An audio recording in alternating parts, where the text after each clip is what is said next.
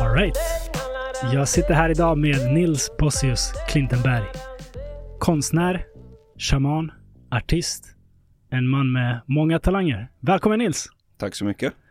Uppe i Stockholm på besök från Göteborg. Mm.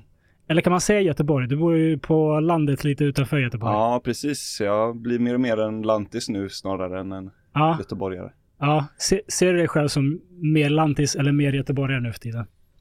Mm. Nej, jag får nog säga lantis nu. Jag har liksom bytt Ja. klädstil i takt med att jag har bott där tror jag. Ja. Eh, Men det kan ha med andra saker att göra. Du har bytt klädstil, hur då? Ja, men det mer och mer, eh, det är, det är nog snarare att jag slutat köpa kläder. Så har jag, nu har jag bara de kläderna som råkar finnas. Och så har jag fått ärva av mamma och pappa, fått någon...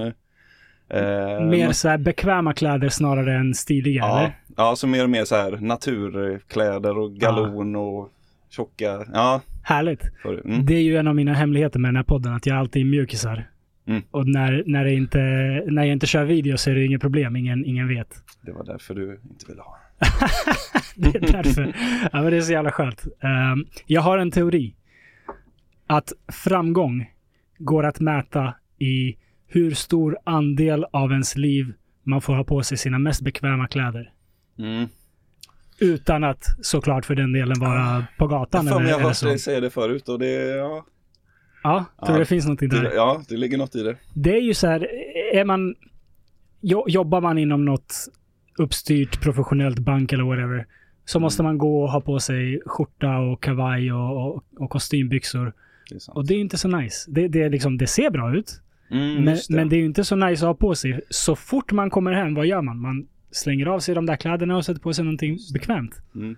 Så om man nu kan jobba i det bekvämaste man har, det är det som är att vara lyckad, inte att ha massa pengar och ha obekväma kläder. exakt, exakt. Det är, man hittar, hittar sweet spot där. Ja, Tillräckligt mycket cash, tillräckligt mjuka byxor. Ja, ja. Jag skulle inte vara glad om jag hade noll cash och bara bekväma kläder på mig. Nej, exakt. Det skulle... det, det, det, man, man kan säkert göra någon sån här graf över, över hur mycket cash man behöver och hur mycket man får hänga i och typ- mjukisar. Du kan vara miljardär men alla dina kalsonger är av eh, sandpapper. Och fy fan. Inte värt. Det, nej. Eller? Sandpapperkallingar. Det låter som sån här tortyr från Sovjetunionen eller någonting. Du ska på dig sandstring. Yeah! Fy fan. Ja. Eh, men det var inte det du kom från Göteborg för att prata med mig om. Nej du. Men uh, kanske var, jag vet inte. Hade du en agenda? Har, ska du starta ett sandpapperklädmärke? Ja, jag ska det. För att... Nej, jag ska inte. Ehm, du, du, är, du är konstnär, shaman och eh, artist. Uh, täcker jag alla dina talanger nu? Ja, men det, det ingår ju mycket i de eh, kategorierna så Ja. ja, det får man säga. Jag brukar inte kalla mig själv eh, shaman men... Inte? Nej. Okej, det är bara jag som har fått för mig det här. Ja, men det, många kallar mig det. Och det... Jag har många Det får det. man. Så jag är inte ensam i alla fall. Nej. Okej. Ehm, vad, men- vad skulle du kalla det för någonting då? Inom den kretsen? Ja, kanske bara en andlig coach. Mm. Så jag håller på med andlighet och jag jobbar med andliga, eh, med schamanska tekniker. Mm. Eh, Men exakt vad det är att vara är så himla, det, Ja. det känns som det är skyddat och det är lite olika. eh, Det, det kommer liksom från, eh, ordet schaman är från någon gammal tibetans, det kommer från Asien eh, på något vis och sen tagit sig vidare in i Sibirien och Ryssland. Och där kallar de sina eh, liksom vice eh, Old Wise Woman eller Wise Man för schaman och det, det hade en viss eh, eh, Det var en, en viss roll i deras kultur som var schaman så när man är i en annan kultur som inte har det Mm, det. är du bara då en, en, en snubbe som eh, mediterar eller fyller du, ja vad, vad är ditt yrke och så vidare. I deras kultur, Mm. vad var shamanen? Ehm, ja, den som kommunicerar med andevärlden. Eh, Mm. Kommer med råd och läkande. Eh, och det är väl där jag står. Jag ville kalla mig sj- själv schaman länge, men Mm. ja, nu titlar är inte titlar är inte det viktigaste. Nej. Ehm, eh, och om det ska vara sånt bråk om saken då, då spelar det Ja. ingen roll för mig. Eh, Nej men verkligen, verkligen. Um, Okej, men vi backar bandet. mm. Långt innan uh, shamanism och allting.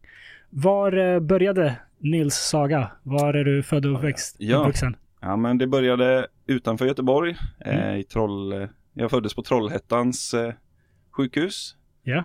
Eh, och sen när jag var ett så flyttade mamma och pappa till, till Göteborg.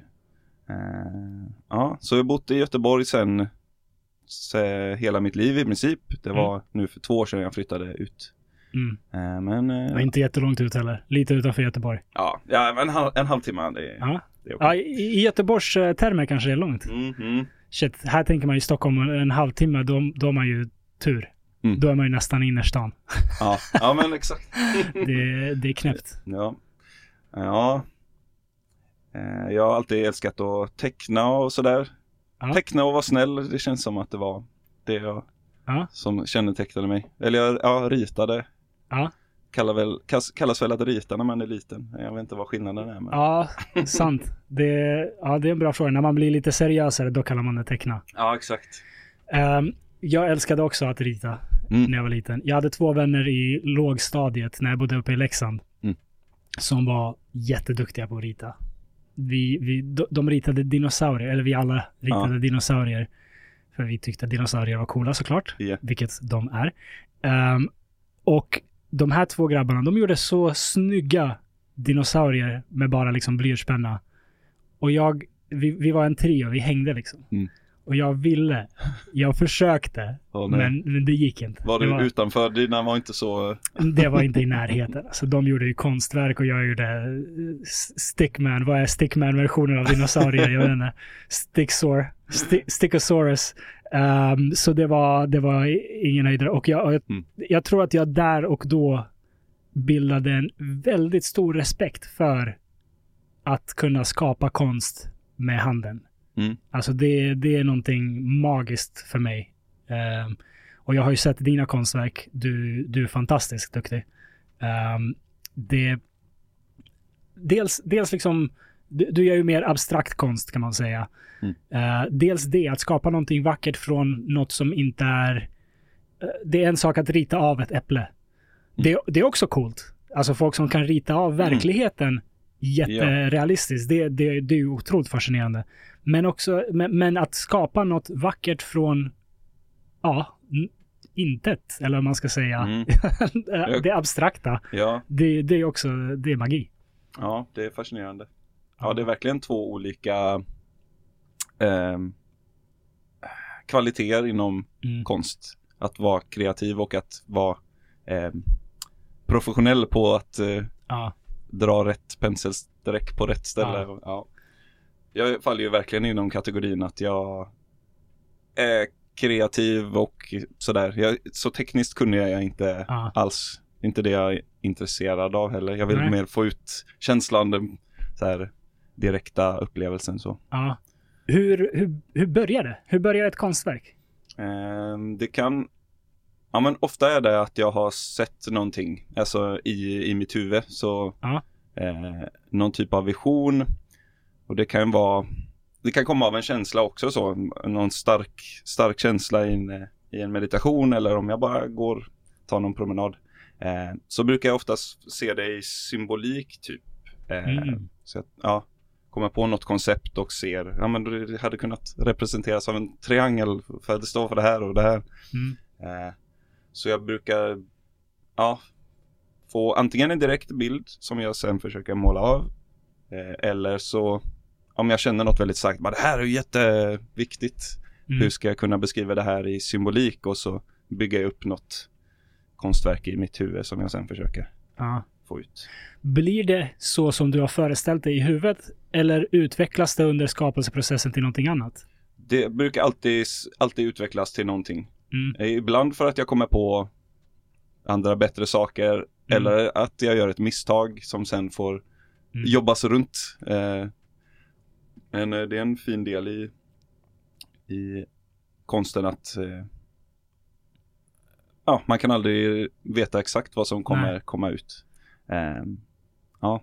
Jag, jag har skapat en del musik och jag hade ständigt det problemet att jag är inte tillräckligt bra på verktygen jag har använt när jag Mm. pro- producerat musik. Ja, Så att jag tänker på någonting bra i huvudet och jag hör exakt hur det ska låta men jag lyckas inte skapa, återskapa det i verkligheten. just Och det är väl bara träning att jag inte hållit på med det tillräckligt länge. Men jag, jag minns Mm. frustrationen ehm, över att, ah fan, det där jag hör i huvudet, det är ju det jag vill skapa, men jag vet inte hur. Och, och sen tills jag har liksom skapat något som liknar det så har jag glömt hur det, hur det lät i huvudet. Ja. Ja. Ja, fan. stöter du på det problemet? Mm, jo men mycket verkligen. Mm. Ja, i, i ens huvud, man kan ha så coola bilder där Ja. som jag antar bara är för komplicerade. Jag vet inte. Ja. Det, det känns som man, om man bara slappnar av tillräckligt mycket att handen borde kunna skapa det men ja. ja, inte funkat hittills. Nej, nej det, det är magi som sagt. Jag, jag tycker det, allt kreativt är så fascinerande. Mm. Att, att skapa något som inte existerat förut. Alltså rent filosofiskt är ju det. Ja, Vad, vad är det? Precis. Vad är kreativitet? Finns det? Åh, Eller eh, innovation snarare. Ja. Fi- Finns det? ja, jag tror det. Ehm, ja. Och, och det är något så jävla fett med att universum har gått ihop och bildat massa saker som till slut blivit en människa. Så universum har blivit någonting som kan Ja. Det känns som att konst och kreativitet är för människan ett sätt att uttrycka sin fascination och liksom ut, Ja. göra ett uttryck av vad världen är samtidigt som det är den själv som gör det. Ja, eh, det, det är jävligt coolt. Så universum har skapat en varelse, Blivit en varelse blivit en varelse Ja. till och med. Så är det ju. som, ja, som, Som kan skapa kan se tillbaka saker. på universum och skapa saker för att förhärliga universum eller sig själv eller beroende. Ja. Tror du universum har något syfte med det här? Eh, ja, fan det är en så jävla bra fråga. Tack. Men eh, jag säger ja. Ehm, ehm, för att det är det jag går runt och känner. Sen Ja. men, vad fan som är sant. Det är Exakt. Det, men Men- som, som jag tänker att meningen med allting egentligen är att mm, att man ska lära känna sig själv. Mm. Ehm, och jag tänker att konst och kreativitet är ett sätt att Mm. ja, lära känna sig själv. Skapa någon loop där man feed, en feedback loop där man skapar content av vad man känner och känner saker för att man ser det man har skapat och så förändras världen ja. med, i takt med det. Ehm, och sen vet jag inte om det, liksom en människas kreativitet på något sätt hänger ihop med hur molekyler och den fysiska verkligheten eh, kommer till också. Finns Mm. det någon liksom ur, urkälla till kreativitet som, eller ja, vad är det som säger att Mm. det vårt universum ska bli till och se ut och kännas som det gör? Ja. ja. Det, det är ju flummiga frågor som vi antagligen aldrig kommer få svar på. Mm. Och det förändrar antagligen ingenting vad, vad det nu än är. För verkligheten är vad den är. Mm. Och så är det bara att leva sitt liv och göra sin grej. Eller hur? Om det är en simulation eller inte påverkar den inte. Nej, Tror jag. det, det tror jag också. Om du fick veta helt säkert att det här är en simulation. Mm. Hade det förändrat dig på något sätt? Tror du? Ja, om jag, om jag visste helt säkert. Ja. Alltså, i längden inte. Ja, men till en början hade jag varit i uppror och velat eh, krossa Gud eller liksom vem det är nu, krossa den här skaparen och Jaså? försöka ta mig fri och så här få reda på varför är jag i den här Mm. sim- eh, simulationen och ja. Du skulle vilja ta dig ut ur simulationen? Ja, men undrar varför. För jag tänker direkt att så här, nej det här är någon jävla kontroll, eh, Ja. det här kan vi inte hålla på med. ja. Men det kanske är en skitsnäll eh, datahacker som bara, nu ska människorna få det bra. Alltså om det här är simulationen så är det ju, är det ju en soft simulation ändå. Man kan må jävligt bra i den här Ja. simulationen. ja. Eh, nej men det, ja, det här känns weird, vad hade du tänkt om du, det känns som att man är i någons, ja, min, min intention om det är att man är i någons tv-spel på något jävla skumt sätt Ja. och att någon kontrollerar den och det hade jag velat ta mig fri ifrån. Ja, hade man känt att någon kontrollerar den, då hade det antagligen varit lite jobbigt. Mm. Men det känner man ju inte. Eller jag vet inte, jag känner inte det i alla fall. Så, Nej, så jag tycker simulationen sant. vi är i är ganska soft om det nu är en simulation. Ja. Så om jag fick veta att det är det så hade jag... Ah, Fan, det är en bra fråga. Alltså det är klart att man hade ju tänkt på det ett tag. Ja, men, men om det som det är nu så är det bara typ folk säger ja, det, det hade inte varit alls konstigt om det var så. Mm. Men det, då spelar det ingen roll för mig. Jag kommer fortfarande Ja. leva mitt liv. Jag kommer Precis. behöva gå upp på morgonen och Precis. wipe my ass och pussa på frugan och ja, fan. I den ordningen. Yes. Så, så det, det, det gör ingen större skillnad. Um, fan, vi svävade ut snabbt här. Uh, du nämnde att du, du var snäll och ritade. Var, Mm. var du alltid duktig på att rita? Frå- Var, var du Ja. en av de här som, som gav andra men som mina vänner Ja. gav mig men? Jajamän. Ja. vad, vad ritade du när du var liten? Mm, jag ritade mm, ja, men figurer, mycket ehm, superhjältar var min Mm. grej från början. Och, och typ tv-spel. Så det var liksom coola karaktärer som slogs mot eh, eh, elakingar typ. Ja. Ehm, och sen kom jag in på manga och animen liksom i Mhm. högstadiet. Så då blev det jättemycket den stilen. Mm. Ehm, och den har följt med mig än idag. När jag målar Ja. figurer och människor i mina tavlor nu så är det ja, mycket från Dragon Ball eh, och så. sådana gamla trevliga mangor. Ja, härligt. Eh, ja. När upptäckte du att du är bra på det här? Eh, ja men så tidigt jag kan minnas. Jag vet Ja. inte. Det var ja, Coolt ju. redan på dagis. Ja. Redan på dagis. Fan vad fett. Ja, fan. Kände du då att fan, det här är, det här är coolt. Jag är bra på det här. Ja, och det var no- nu när du säger, jag, jag fick så här, jag fick rita flygplan, pappersflygplan, så fick jag rita Ja. på äh, så här, många i min klass äh, Ah, flygplan fett. någon dag för att jag var så bra på, Ja, på att rita. Då kände jag mig, ja det var ja coolt. det där är ju cred. Mm. Ja, men Kul. sen så var det som att jag kom aldrig på att man, om man fortsätter måla varje dag Mm. hela tiden så kommer man fortsätta bli bättre och bättre tills Mm. man är helt sjukt jävla bra. Ja, Så det var, eh, jag började spela musik i typ eh, början på, början på gymnasiet. Så Ja. när jag var, vad är man då? 16 typ. eller Då så började jag, ja, ja, någonstans. 15, 16. 15, 16. Ja. Då började jag spela musik och typ glömde lite bort att eh, Mm. eh, tecknande och måleri var min grej. Mm. Det var som att jag bara bytte eh, konstform då ett långt tag. Vad började du spela för musik? Eller Eh, var du det instrument? death metal, spelade Death jag metal. gitarr. Okej. Fan vad fett. Hade du ett death metal-band med några vänner eller? Mm, mm. Vad hette ni? Från 2008, Arkeia. Arkeia. Mm. Så jag, sa det så, så tydligt som möjligt så att alla som lyssnar på det här som tycker om eh, melodisk dödsmetall. Arkeia. Är, är melodisk eh, dödsmetall en stor genre eller? Ja det är det. Och från Göteborg är det, Det är det, det är vår, vår grej. Så man kan höra er musik uppe på eh, På Spotify? Spotify, så, eller? japp. Det Mm. finns uppe alltså? Mm. Det här får vi kolla upp. Ja. Ar- Arkeia. Hur stavas Arkeia? A-R-C-H-A-E-A.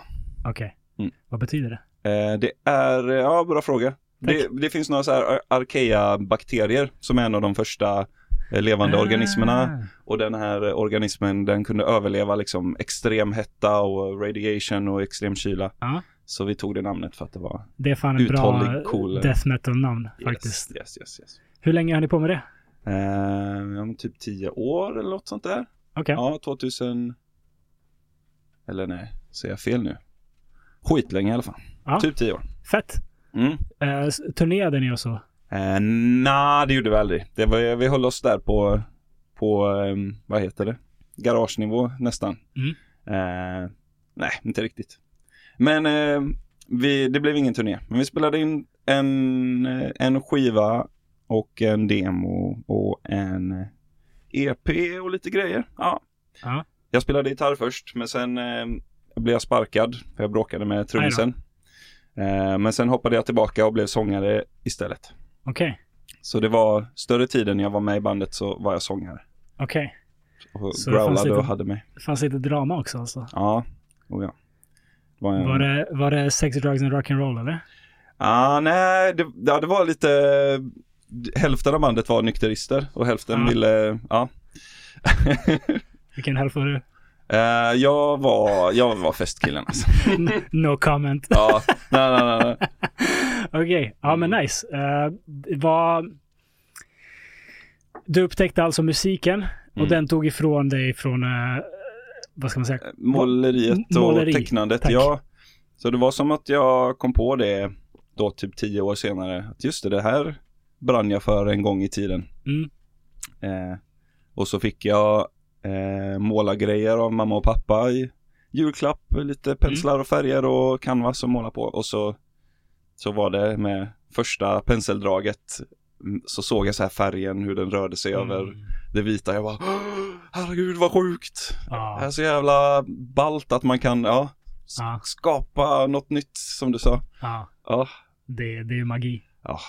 Vad gillar du att måla i för typ av färg? Eh, jag gillar akrylfärg. Mm. Eh, det är lite likt olja. Eh, men olja är den mest här, kända, Mm. kända färgen skulle jag säga. Men olja torkar skitlångsamt. Mm. Eh, och det pallar inte jag. Jag vill få ut eh, saker snabbt. Mm. Akryl torkar på 20 minuter kanske. Finns det någon fördel med att måla med olja över akryl? Som jag förstår det, dels så är det lite bättre eh, Det är lite starkare färger typ. Men också, också är det också att eh, på grund av att det torkar så långsamt så kan man hålla på i processen och ändra Mm. så här allt eftersom. Man kan hålla på det, i månader och Innan det torkar så kan Ja, man liksom precis. ändra saker. Ja, fusa in andra färger och Okej. böka till det och ändra lite textur och ja. Ja. Eh, men eh, då kan det ta upp till tre månader för en tavla och torka och ja. Ain't nobody got time for that. Nej, nej, nej, nej, nej. Jag vill få ut eh, konceptet på en kväll och sen kan jag färdigställa det över några dagar. Okej. Eh, och lägga lager på lager på lager Ja. utan att tänka. Fett. Ja. Så eh, om jag förstod det rätt, typ från 2008 till 2018 målade du inte alls alltså? Mm, Mm. Bara, bara små saker, doodlade här och var och så. Ja. Ja. Okej, och då var du helt inne i musiken eller? Mm. Ja, Ja. Det Så det var, det var inget fel med det. Jag Ja. älskat att sjunga också sen jag var jätteliten också. Mm. Alltid, när jag gick någonstans så har jag alltid gått och sjungit på låtar och Mm. sådär. Eh, ja, så det har funnits med. Du sa att du var snäll när du var liten också. Ja, Hur, eh, hur kommer det sig att du sa så? Mm, ja men det var någon, någon tjej som var lite äldre än mig på dagis som sa att Ja. jag var väldigt snäll. Och då så kom jag, var, då kom jag på liksom på det att ja fan jag är väldigt snäll. och sen har jag bara, det blev som att på grund av att hon sa det så har det liksom inkorporerats i min personlighet Ja. ännu mer. Ehm, men det har alltid också varit en grej som jag verkligen tänkt på som bara kommer till mig väldigt naturligt. Mm. Att, och så här, jag tar det väldigt allvarligt att vara snäll. Ehm, Bra ju. eh, ja, ja, jag Fan. tror det är ett, ett, ett sätt att läka mänskligheten. Att fortsätta vara snäll, fortsätta le, sluta inte le. Mm. Tänk på att eh, visa lite intresse och ta ögonkontakt. Eh, Mm. det gör mycket för folk som är ensamma och Mm. eh, går i självmordstankar och sånt. Mm, mm, definitivt. Att göra världen lite snällare och lite finare i sin eh, omgivning, liksom det, det man kan påverka. Ja, Det, allt, allt ger ju vågor. Om man liksom behandlar någon bra så kommer den personen skicka det vidare för att de mår bra. Mm. Om man behandlar någon dåligt så kommer de skicka det vidare för att precis. de blir sura, liksom griniga. Mm. Mm. Och Ja. det här kom du alltså på när du var väldigt, väldigt liten. Ja, ja. Intressant. Mm. Min, minns du vad tankegången var? Tänkte Mm. du det här du precis sa, att ah, om jag påverkar folk i min omgivning, är snäll mot dem det, eller? nej, det tänkte jag inte då. Då Nej. var det bara, ja, det var ju sån jag var. Sen den här eh, flickan som sa att jag var snäll då, det var väl eh, senare samma dag eller något sånt där så, så hade jag bundit fast ett eh, hopprep och fällde henne så att hon ramlade och började blöda. Men, Men ingen är perfekt vet du. Ingen är perfekt. Fan, där fick hon sota. Vem kallar hon snäll? ja. Fan, hon gjorde inte det efteråt. Ja. nej, nej, jag förstår det. Ja, okej. ja, nej, men, Sånt som händer. Ba- barn är komplicerade, människor lika så. Mm. Helt klart. Um, Okej, men det, det är så roligt hur en sån där grej kan sätta sig. Jag, jag minns att jag hade en liknande tanke när jag var kanske högstadiet tror jag. Att jag insåg att ett leende inte tar så mycket energi. Mm. Så oavsett hur man mår, att man kan liksom, om man vill, så kan man le mot personen man är med. Att liksom vara, se snäll ut, se, se vad ska man säga, trevlig ut, snarare än sur ut. Mm. Ehm, jag minns att jag hade den tanken Mm. vid något tillfälle. Så att jag också försökte alltid att så här, ja, men vara, vara en positiv människa. Ja, för det, det kan ganska snabbt komma tillbaka till en själv om man har en skitdag, le mot någon som gör att den reagerar på något. Jag vet inte, det, eh, och bara att le eh, tror jag skickar några signaler i hjärnan också Oh ja. att det är lite bättre än Oh ja. sämst. Ja. Har du sett de här videorna när eh, någon sitter på en fullpackad buss och börjar skratta högt? Nej. Det, det är så härligt att se. Det är en person som börjar skratta högt och har så här ett skönt garv och, Mm. och slutar inte. Mm. Och först är det ju bara en galning som sitter och skrattar, men ganska fort blir det en till som så här tycker det är så roligt så den börjar garva. Och så en tredje, fjärde och plötsligt garvar hela bussen. Mm. Och ingen vet varför, det bara börjar, någon började garva. Mm. Och sen liksom skrattar hela bussen ja, i full, full hals. det, det, det är en härlig grej. ja. Ja, det är fint. Det är fint. Mm. Okej. ehm, är du alltid snäll eller, eller vill du ibland inte vara snäll? Nu eh, för tiden är jag ja, säkert alltid snäll. så, här, så fort man säger det så, så eh, försöker jag komma på alla tillfällen när jag inte är snäll. Men jag kommer inte på något just nu. Det händer. Ja, ja, nej, nej, Ibl- ibland, nej, ibland fäller man någon Ja. ett hopprep. Nej, nej, nej, nej. nej. Vad ska man göra? Vad ska man Ja. göra? Ja, Um, Okej, men eh, vi, vi godtar det. Du, du eh, gillade att rita, du var duktig på att rita, du var Mm. snäll. Mm. Ehm, när du var liten, vad tänkte du att du vill bli när du blir stor? mm, först eh, brevbärare. De Okej. behöver inte sova så mycket, berättade mamma. De behöver inte sova så mycket. Nej. Jag har alltid haft eh, det är för problem att de med inte sömnen. får sova så mycket för Ja, att de måste upp tidigt. Ja, precis. Vänta, vad sa mamma? Att de behöver inte sova så Ja, mycket? jag kanske minns fel. Men eh, så här, eh, ja. Ja. Det kanske bara var att jag gick upp tidigt på morgonen förresten. Ja. Men jag var- inställd på, på det. Även, eh, vad heter det, mm, trash, Mm, trash sopgubbe. sopgubbe ja, av samma anledning. Du, du tänkte, du vet, få, få jobbet avklarat medan alla andra sover. Mm. Intressant. ja. Och det är för att du har haft sömnproblem, eller? Mm, Mm. ja. Ehm, ja, det, och det har jag också haft sedan jag var väldigt liten. Kanske Ja. ärvt av mamma.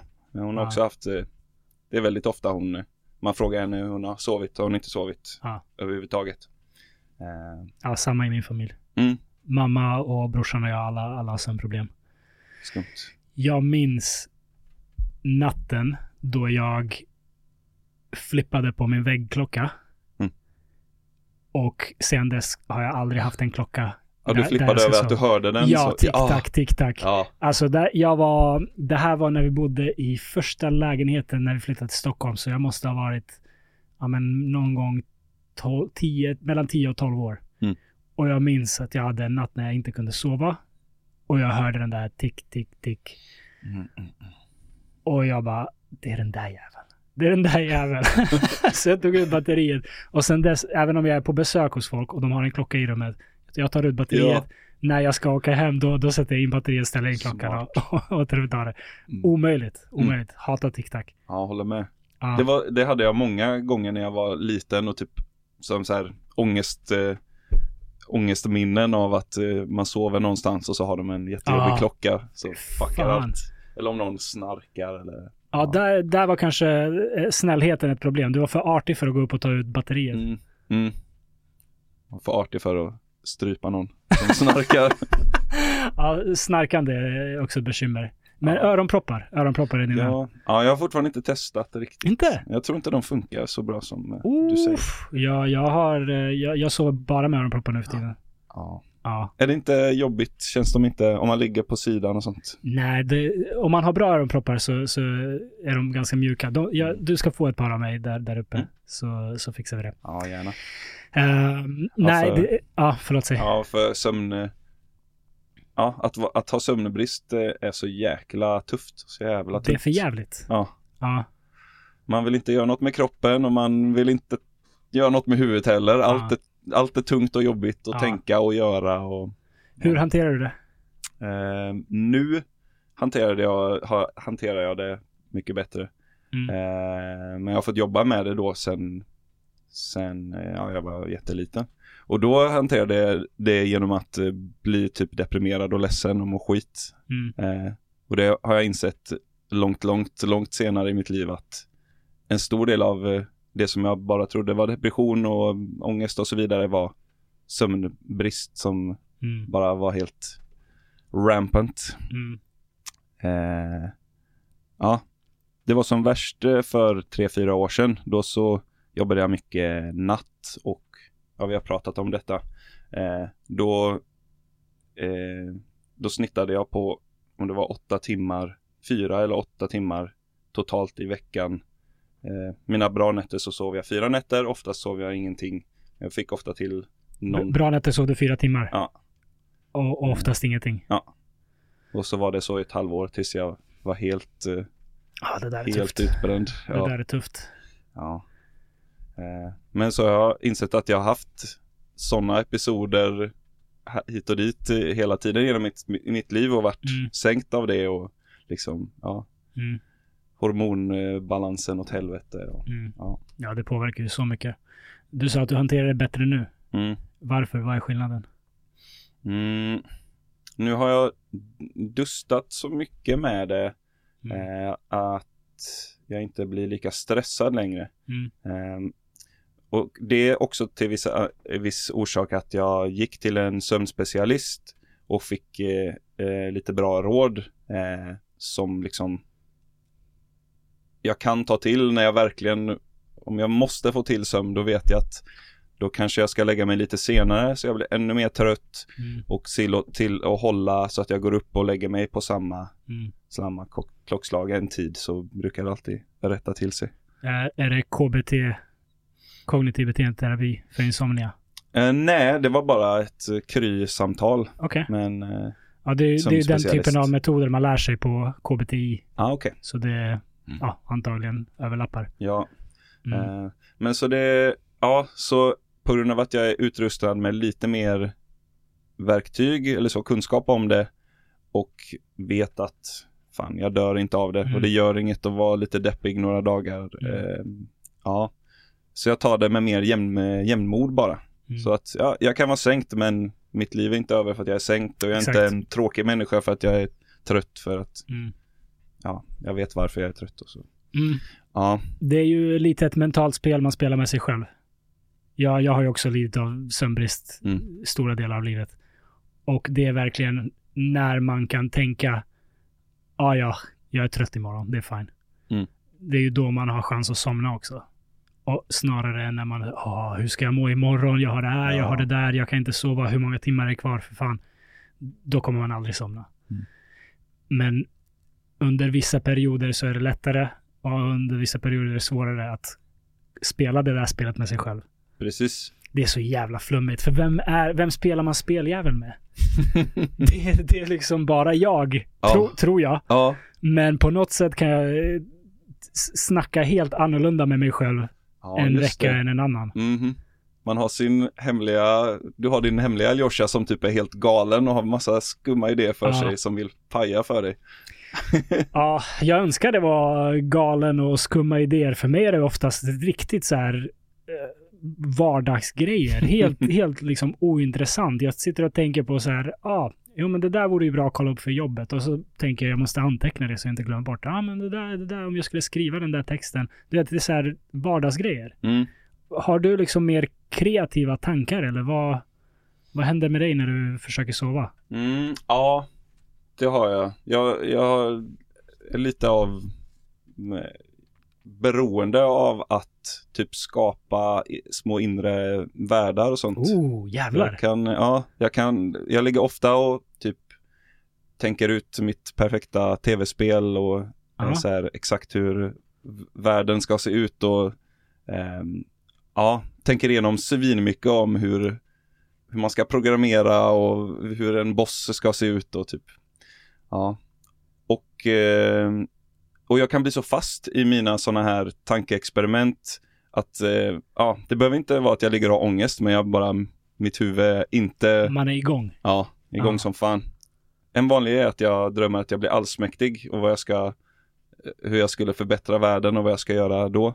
Ja. Då ham- hamnar jag alltid i en jävla härva med typ att människor inte tycker att det, det är fan, jag tror det är svårt att göra världen perfekt. Det är en bra insikt. Jag tror det är svårt att göra världen perfekt. Okej, okej. Du har ju uppenbarligen tänkt på det här. Så Mm. om, om du var allsmäktig, vad skulle Mm. du börja med? Mitt första experiment skulle vara att eh, ta bort våld Mhm. och se ja, vad som händer. bort Så, så, mm, och det ska inte vara helt, man ska få typ boxas i sportsammanhang och Ja. eh, man får man får slåss och brottas lite för good sport liksom. Ja. Men så fort eh, någon försöker av malice liksom skada någon, Ja. då så är det som att det bara kommer in någon magisk kraft som bara nej, och så gör de Ja. inte det istället. Och så då samma sak med man kommer aldrig kunna våldta någon och man kommer inte kunna råna någon. Eh, det hade jag velat se vad som hände med världen eh, då. Vad tror du hade hänt? Ehm, Tror, du, tror du det bara hade varit positivt? Ehm, ja, fan jag vet inte. För jag har en kompis som, som alltid så här reagerar jättestarkt när jag säger det här och tycker det är helt sjukt. Ehm, men jag har inte kommit på något. V- kommer du på något direkt, något negativt som skulle komma med det? Alltså, självförsvar kommer ju inte behövas om ingen kan råna en eller, eller slå en. Mm. Eh, så... Jag vet inte. Nej, Jag, jag vet att...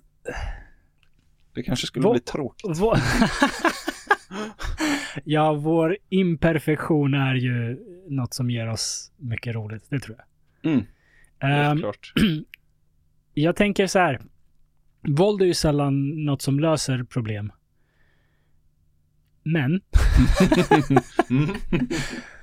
men man har ju varit med om i barndomen att folk är väldigt elaka och Mm. slutar inte vara det förrän man liksom sätter ner foten. Ja. Hade, hade i, i- din allsmäktighet, hade, hade liksom psykisk eh, våld också Ja, varit det. omöjligt? Eller? ja, just det. Nej, jag hade ju tillåtit detta va. Men eh, det är svårt att Så psykiskt våld är tillåtet? Ja, psykiskt våld, det, det låter som att det kan finnas dåligt psykiskt våld. Men, det låter så, ja. ja nej just det. Om någon sitt, står och verbalt mobbar någon, ja. till slut måste man ju bara slå dem i huvudet. Förhoppningsvis behöver det inte gå så långt, men, men ja, Ja. det kan ju hända. Ja, det är sant. Kan man bara ta bort våldtäkter då? Det kan väl inte vara dåligt? Ja, det är fan svårt att argumentera emot. Ja. Jag, jag är helt för den, den världen. Men eh, den här kompisen då, han bara, det är helt sjukt, då kontrollerar du kontrollerar du människorna, då får de inte vara Mm. fria. Fan, det är ju del av att vara allsmäktig. Det, det, det, Ja, det är ju nästan sant. huvud, huvuddelen av att vara Ja. allsmäktig. Ja men och jag tänker det hade blivit fan en mer, mer lattjo värld, mindre traumatiserade människor. Helt Ja. klart. Ja. Eh, så det hade kunnat vara, varit helt fantastiskt. Mm. Jag lite så här tänkt ut också att så här, ingen ska kunna bryta sig in i ditt hus heller. Du ska inte behöva boxa någon så att den går ut. Den kan bara inte, Mm. den- ingen kan bryta sig in eller stjäla. Så allt bara stannar där. Det ska alla, men alla kan också gå till vilket land de vill. Ingen kan skjuta dem med en kulspruta eller bomba dem. Ja. Eh, Det, det blir ju lite av en utopi det här. Det, Det är min utopi. det känns som att det direkt eliminerar alla problem, inte bara att, eh, att man inte utövar våld. Ja. För jag tänker en, en situation då man faktiskt kan tänka sig våld behövs.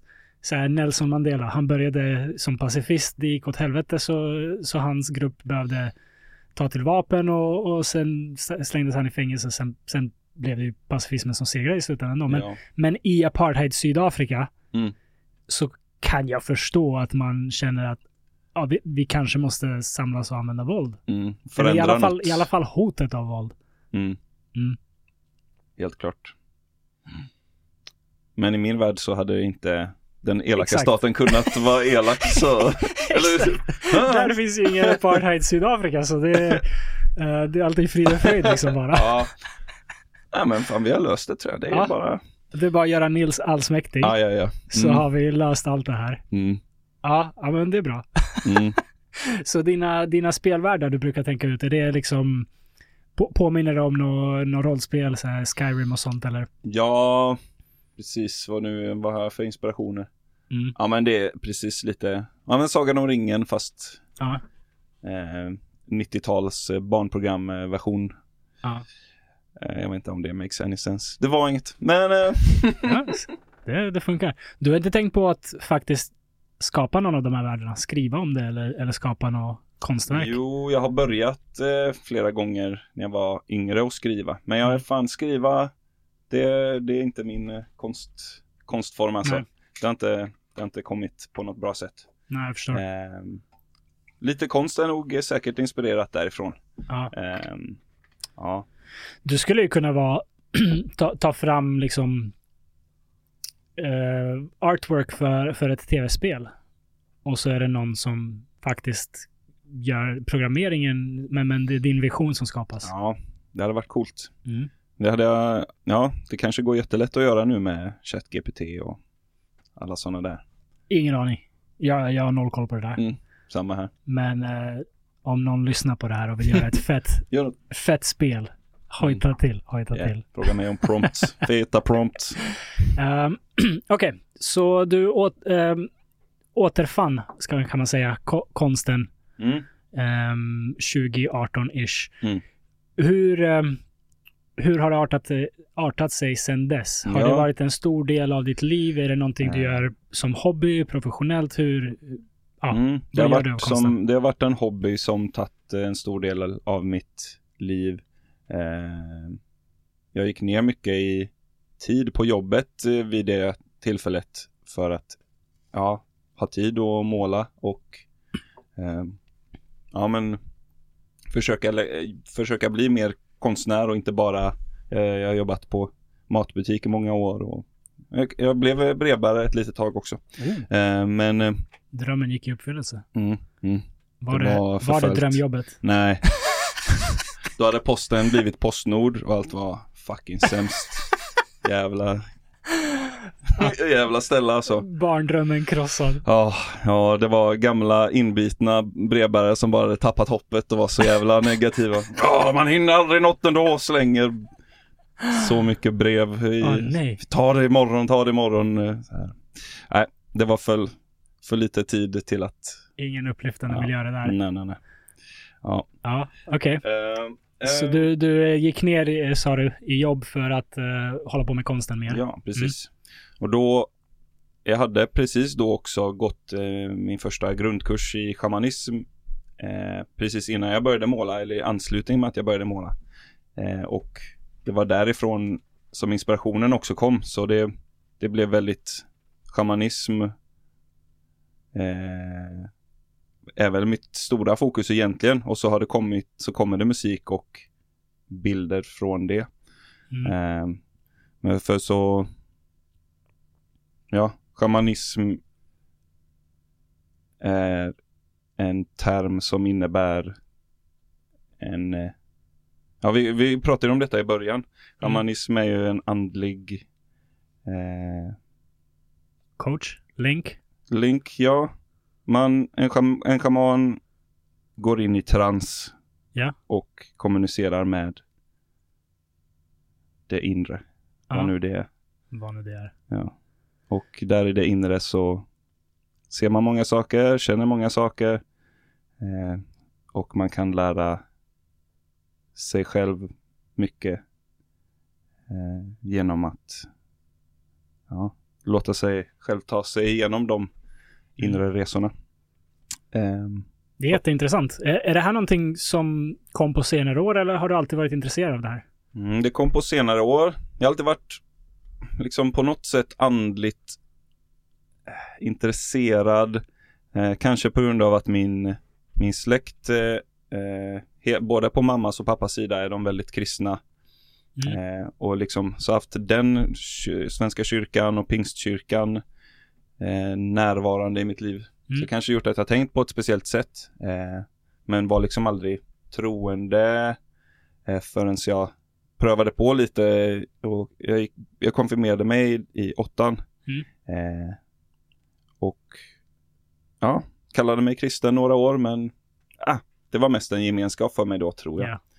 Ja. Eh, Okej, så även om eh, det fanns i familjen så var det inget som, vad ska man säga, som, som du indoktrinerades i när du var liten? Att Nej. vi, vi är kristna i den här familjen? Nej, mamma och pappa hade båda två liksom lite gjort eh, eh, rebellion i, Mm. inom sina föräldrar och eh, för, Okej. eh, familjer.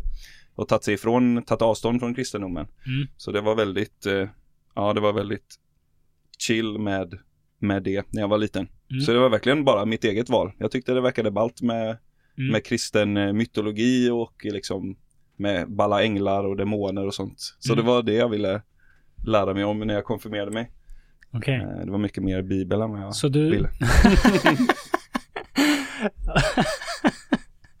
Jag minns att typ första gången jag bara, jag tror att eh, Satan ser ut som en vampyr och prästen bara, ja, ja, ja. Det är fan inte det vi ska prata om nu. du tänkte death metal Ja. stuket Ja, exakt så. Fy vad roligt. Eh, så du valde själv att gå och konfirmera dig. Mm, Intressant. mm. Och dina föräldrar var stöttande i det här? De tänkte, tänkte inte liksom de har brutit med kyrkan och vill dig Ja. borta från det eller? Nej, de har, de har ändå behållit sin egna personliga tro på något sätt. Så de, eh, ja, de Mm. lät mig gå. Eh, de var nog säkert lite så här avvaktande i början. Hoppades på att det inte skulle vara någon väldigt, eh, ja, extrem kyrka jag kom till eller så. Men, Mm. eh, men de var jättestöttande när jag gick med i kyrkan och även när jag sa att jag inte trodde längre och mm. liksom hoppade av. Eh, och det gjorde jag i tvåan på gymnasiet. Okej. Eh, då började jag tänka på det för första gången på riktigt. Det var någon kompis till mig som sa så här, men om Gud är allsmäktig och god, varför finns det så mycket ondska? Det är ju Eh. vampyrsatan. Ja, ja precis, det var pyrsatans fel. varför har vi tänkt på det här i 10 000 år? Eh, eh, ja men ja, jag som Okej, och det- eh, det började liksom- yngling hade aldrig tänkt på det seriöst. Jag bara, ah. fan det är skitknäppt ju. Ja. Och sen bara gjorde det att hela min tro eh, kollapsade. Mm. Eh, vilket var jätteskönt då. Eh, jag kände att den bilden på Gud jag hade fått då var en väldigt så här dömande, Mm. eh, övervakande eh, eh, entitet som bara spädde på min depression. Jag hade redan innan jag gick in i kyrkan var jag deprimerad. Alltså innan du gick i åttan, Mm. redan då skulle du säga att du var deprimerad? Ja, i, sju, i sjuan när jag var 13 började det på riktigt. Fy fan, Eh, det är tidigt. Ja. Och då, ja. Då började jag skära mig själv och ja, bara allt kändes hopplöst och jag, eh, det var mycket självhat och så inblandat. Mm. Men det var när kyrkan och Gud kom in som självhatet blev ännu större för då var det, då var jag en syndare också. Förut var jag bara en lite misslyckad tonåring men nu var jag en, en syndare som gjorde, ja jag vet inte. Ja, ja, ja. då är det inte bara i den mänskliga liksom, världen utan den andliga också. Mm, Vad, du har ju säkert analyserat sönder det här. Vad, vad, vad liksom orsakade att du mådde så dåligt så tidigt? Ehm, ehm, jag tror att det har att göra med eh, genetik. Eh, jag vill inte gå in för mycket på Mm. detta, men jag tror att det ligger i, i släkten Mm. eh, på många olika sätt. Eh, ehm, så det finns eh, Ja, det finns mycket att hämta ifrån familjehistoriken. Nej, jag förstår. Ehm. det, vi, vi behöver inte gå in på det. Nej, men och sen, och sen allmänt att min familj var upp med, med just kristendomen, att det var Mm. en så stor del i min familj. Ehm, även fast mamma och pappa inte tog, tog, lade på mig och min bror, så har de växt upp med det och det fanns den här tanken om synd och att man Mm, det. kunde göra skamliga saker och lite sådär. Mm. Eh, så jag tror att det på något sätt gjort att jag hade en konstig eh, självbild och att jag var tvungen att leva upp till någon tänkt gud för att vara okej. Mm. Eh, så att det, ja, väldigt mycket. Eh, Skulle du säga att du var en seriös ungdom? Ja. Det är det jag tänker. Jag, jag, jag har en idé om att religion kan vara väldigt positivt.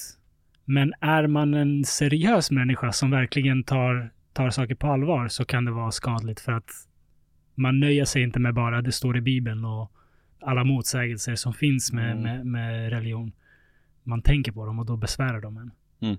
Eh, beskriver det din upplevelse eller? ja. Jo, faktiskt.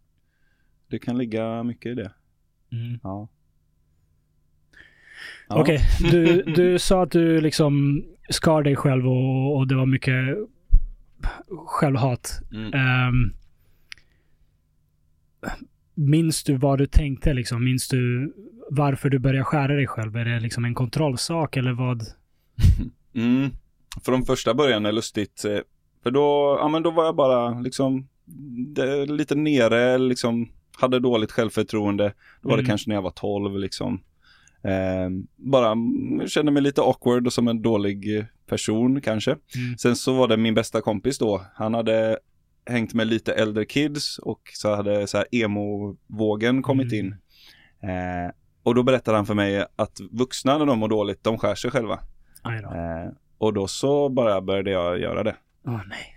och det var det som tror jag löste upp, eller som liksom öppnade någon portal i mig. Och, för då, så fort jag hade skurit mig själv, då var jag verkligen deprimerad och mitt liv förändrades liksom. Mm, det var Eh. som en tröskel man gick över att nu, nu gör jag det här liksom. Ja. ja. Och sen blev det en identitet och en, ja, då visste jag vad jag gjorde på något sätt och så hade jag ett utlopp som var att skära mig och ja, väldigt skumt.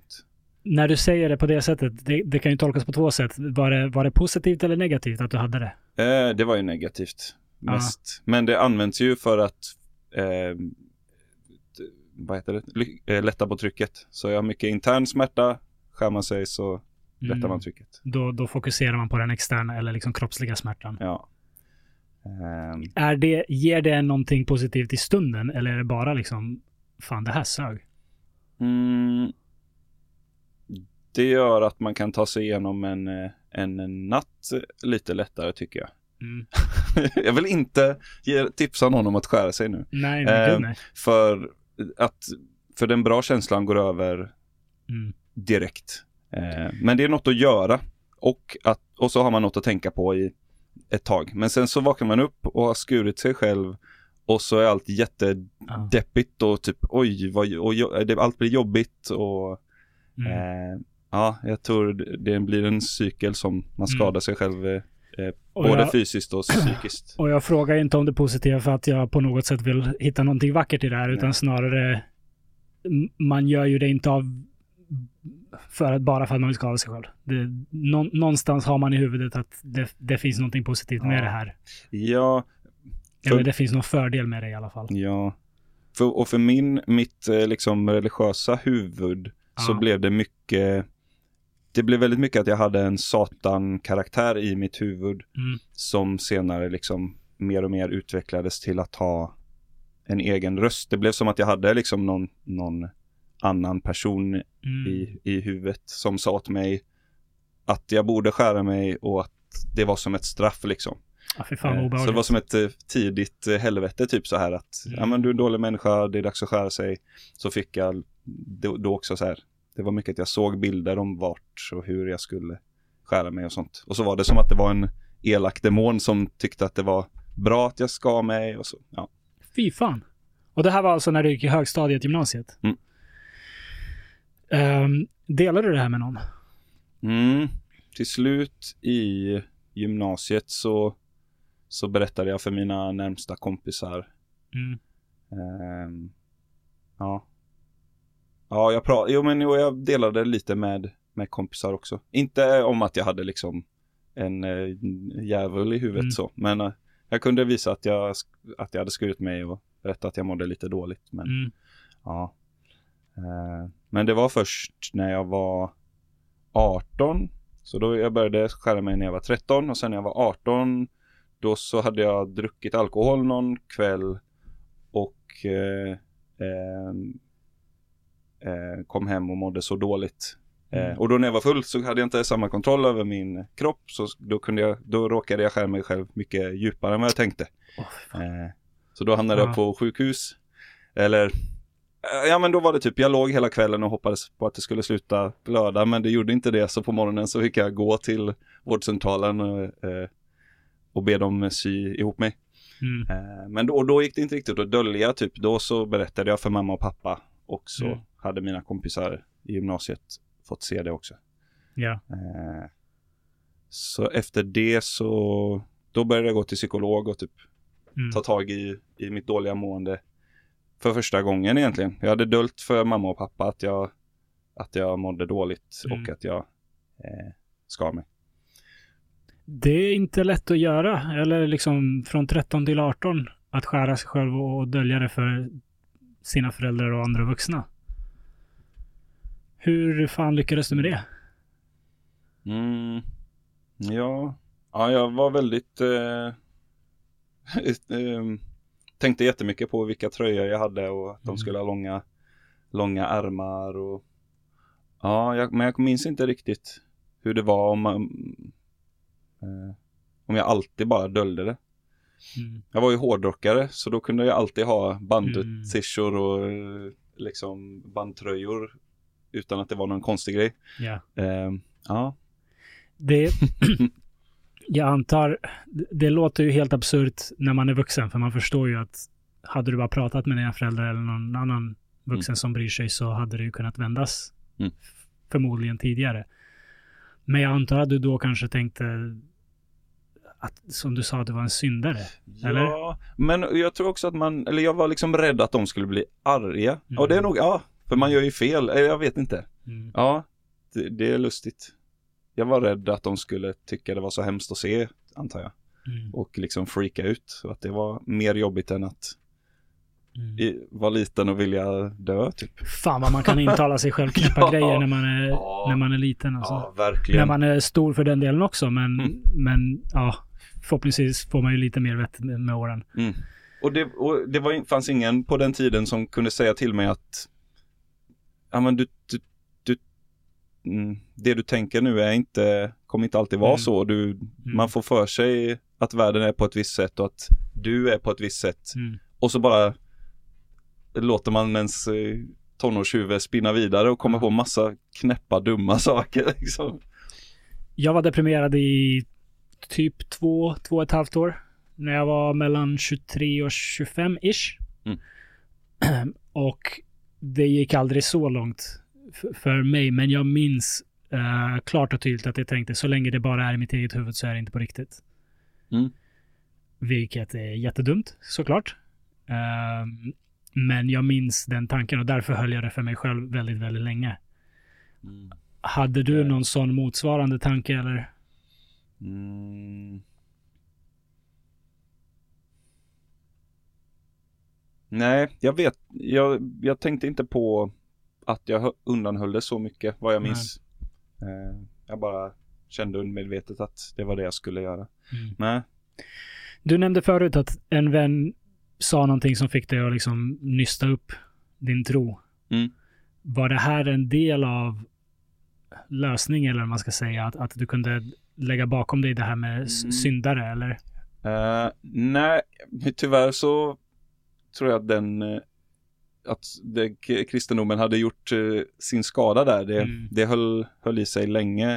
Eh, och fortfarande på något plan tror jag att jag hela tiden behöver brottas med eh, någon inre röst som vill att allt ska vara perfekt när inget kan vara perfekt. Mm. Eh, men eh, nej, men det fick mig i alla fall att lämna, lämna kyrkan eh, och börja tänka annat. Mm. Det, som, ja, det som fick eh, saker att förändras var till slut då eh, shamanismen och eh, ja, meditation och eh, ja, Terapi. terapi. Ja, Mm. precis. Ja, ja, för terapin fick mig ur en av mina depressioner. Och sen kom det, jag har gått i terapi två år totalt Mm. två tillfällen. Eh, och det har varit jävligt bra. Och har varit väldigt effektivt att ha shamanism i, anslutning med det också. Mm. Att man får massa bilder och upplevelser att tolka tillsammans med en psykolog och prata igenom. Ehm, mm, Okej. men eh, Hur mår du nu? eh, nu mår jag bra. Skönt att höra. Mm. Jag är väldigt glad för det. Det låter som att det hade kunnat sluta väldigt annorlunda. Mm. ja. Ja. ja. Du, eh, du är inne på både kristendom och shamanism. Har det liksom alltid funnits någon känsla inom det att det finns någonting mer som du vill söka efter? Mm. Ja, jag tror väl det. Ehm, och det har varit väldigt diffust, men det har funnits någon, någon ja, längtan efter eh, något mystiskt. Eh, Mm. mm. Ehm. och nu sitter jag här och tänker att det kanske bara är en längtan bort från, eh, från smärta. Eh, eller så är det en, en, eh, ett sökande efter eh, en nyfikenhet bara som man har. Mm. Ehm, men det är en spännande eh, tanke. Ja. Eh, Det är ju inte få, vad ska man säga, ideologier och, och tror som, som ser det på det sättet att det materiella är smärta. Att det, det är det, är det nu, nu vågar jag inte säga vilken ideologi jag tänker på, men det, men det är någonstans där man pratar om att det mänskliga tillståndet är ett lidande. Mm. Om man vill uppnå liksom nirvana för att komma ifrån det. ja, men precis. Eh, buddhismen. Ja, men de känns så chill, så jag vet inte om de ser det som e- evig smärta. Men, Mm. eh, men, Mm. men ja, eh, ingen aning. Jag, jag, är helt out of my league här. Men, men det finns ju folk som ser det på det sättet att det kö- kött, kötsliga, det mänskliga är ja, det man vill komma ifrån. Mm. Och komma till något högre spirituellt läge. Mm, det. Tror du det finns någon sanning i det här eller hur tänker du kring det? Ehm, ja, jag tror det finns någon sanning i det. Mm. Ehm, Är vi en spirituell varelse i grunden? Eh, ja, men jag säger ja. Eh, f- for the sake of this podcast here. Om vi, Men om det- vi säger så här. Mm. Att du får berätta exakt hur det är. Mhm. Hur det ligger till med det spirituella och det, det kötsliga. Ja, ja, ja. Och det finns inte liksom, det, ingen vet ju vad som är rätt svar, vad som är fel svar. För ingen, ingen kan ja, Mm, mm. svara på det. Men jag kan berätta det så, det som du, jag... Precis, så som du tänker att det är. Ja, Vad, vad skulle det vara? ja. Jag tänker att grunden till all verklighet är eh, medvetande. Mm. Och detta medvetandet är ett. Eh, vi, våra medvetanden är som eh, vågor på Mm. havet. Vi är egentligen del av Alltet, men man kan se på oss och vi ser på oss. Vi har ju en, ja, vi har en, vi har eh, vårt huvud och vi har våra, ehm, Kroppar? ja. Ehm, så vi har våra individuella medvetanden. Mm. Ehm, och vi är här för att lära oss om vad det är att vara eh, existerande. Mm. Eh, så jag tror att det här enda medvetandet är vad många kallar Gud. Mm. Jag tror inte att Gud är en agerande entitet mer än i att den skapar allting som finns eller genererar allt som finns i sitt medvetande. Eh, och anledningen till att saker sker är för att någon vaknade upp vid ett tillfälle, denna gud, och undrar vad fan gör jag här? Och vad är jag? Eh, Vänta, Och- nu, nu hängde jag inte med på det där. Mm. Anledningen till att någonting finns är för att Gud vaknade. och ville lista ut var, var han var, Mm. vad han, hen är. Ja. Okej. Eh, ja, Och då är det liksom, vi, vi är en del av det jobbet. Att ja, lista ut universum, förstå oss på vad det här är för någonting. ja. Och det verkar som att vi är, människorna är på något sätt the forefront av Mm. eh, universum som försöker lista ut vilka, Ja. ja, vad det är I som alla, fall, försiggår. I alla fall vad vi vet. Kanske Precis. finns uh, några andra i andra univers- äh, galaxer Ja. eller planeter som, som gör bättre jobb än vad vi gör. Mhm. Men vad vi vet är vi bäst i det här universum på att försöka förstå oss på universum. Ja, ja. Mm. Och, skapa, och att skapa konst är då del av det här Mm. projektet. Att se vad som... Ja. Jag, jag gillar det som fan. Mm, Det är skitintressant. Uh, Alan Watts är du bekant med. mm, Han har en bok som heter The, uh, vi, vi kanske har snackat om den. The Book Mm. on the Taboo Against Knowing Who You Are, tror jag den heter. Mm. Den är en ganska lång titel. Mm. Um, där han pratar just om de här sakerna. Mm. Och jag gillar det sättet att se på universum. Jag, jag tycker det är väldigt attraktivt. Ehm, ja, mm, och vi, vi är universums sätt att förstå sig på sig självt. ja, Vi är inte en varelse i universum, vi är universum. Mm. Vilket inte går att förneka, för vi är samma atomer och, och molekyler som har liksom varit i stjärnor som sprängts ja. miljontals år sedan och precis. sen bild, råkat bilda oss. Mm. Det är så jävla fett. Ja, ja, fy fan. Men, eh, men du, du eh, gillar ju uppenbarligen att flumma iväg på den här typen av tankar. Mm. Ger det dig tröst eller är det jobbigt? Eh, Det ger mig tröst. Mm. För så mycket av mitt lidande har kommit från att jag har tänkt att jag var en, en enskild syndare. Mm. Eh, och att jag gjorde unika fel och eh, Mm. så vidare. Och detta ger mig hopp. Vad fan, jag hade någon, vikt, någon bra tanke med det här. Mm. Ehm. Mm. Att, du, Nej men eh, ja, oh, ja. att du tänkte att du var en unik syndare, men när du såg att det, vi är flera och du insåg att du är en del av ett Ja men just alltet, det. eller? Ja, ja men det var att jag såg utanför mitt ego då också. Ja. Eh, så jag insåg att jag hade tänkt att jag var den här enskilda människan. ja. Men att det finns en större, ett större jag. Och att man kan ha många olika självbilder och många konstiga tankar som inte Mm. alls stämmer. Det är bara att du har tänkt dem väldigt länge. Mm. Ehm. Mm, Det, det påminner mig väldigt mycket om det vi pratade om nyss med sömnen. Mm. Att eh, ju, ju tidigare man kan komma fram till att det är inte är så viktigt Mm. och det är liksom ja, gilla läget, Mm. des, desto snabbare kommer man över det här problemet. ja, exakt. Jag hade ett stort problem när, när jag mådde som sämst. Att jag funderade väldigt mycket på existentiella frågor. Och jag minns att jag tänkte en gång, ja men om vi nu är själar som styr en kropp och vår hjärna är mottagare. Mm. Och den här eviga perfekta själen finns där ute någonstans i någon annan dimension och, och kontrollerar kroppen. Och när man dör så återgår man till själriket och, och är sin själform. Mm. Vad säger att inte den själen också tänker vad gör jag här? Vad är meningen med livet? Varför finns jag? Ja, Och den tanken skickar iväg mig på en liksom spiral och jag bara "Åh, det finns inget slut. nej, Och, och det där är ju det där jag pratade om förut. Att tar man saker och ting för seriöst ja, så blir det lätt ett problem. För existens är knäppt.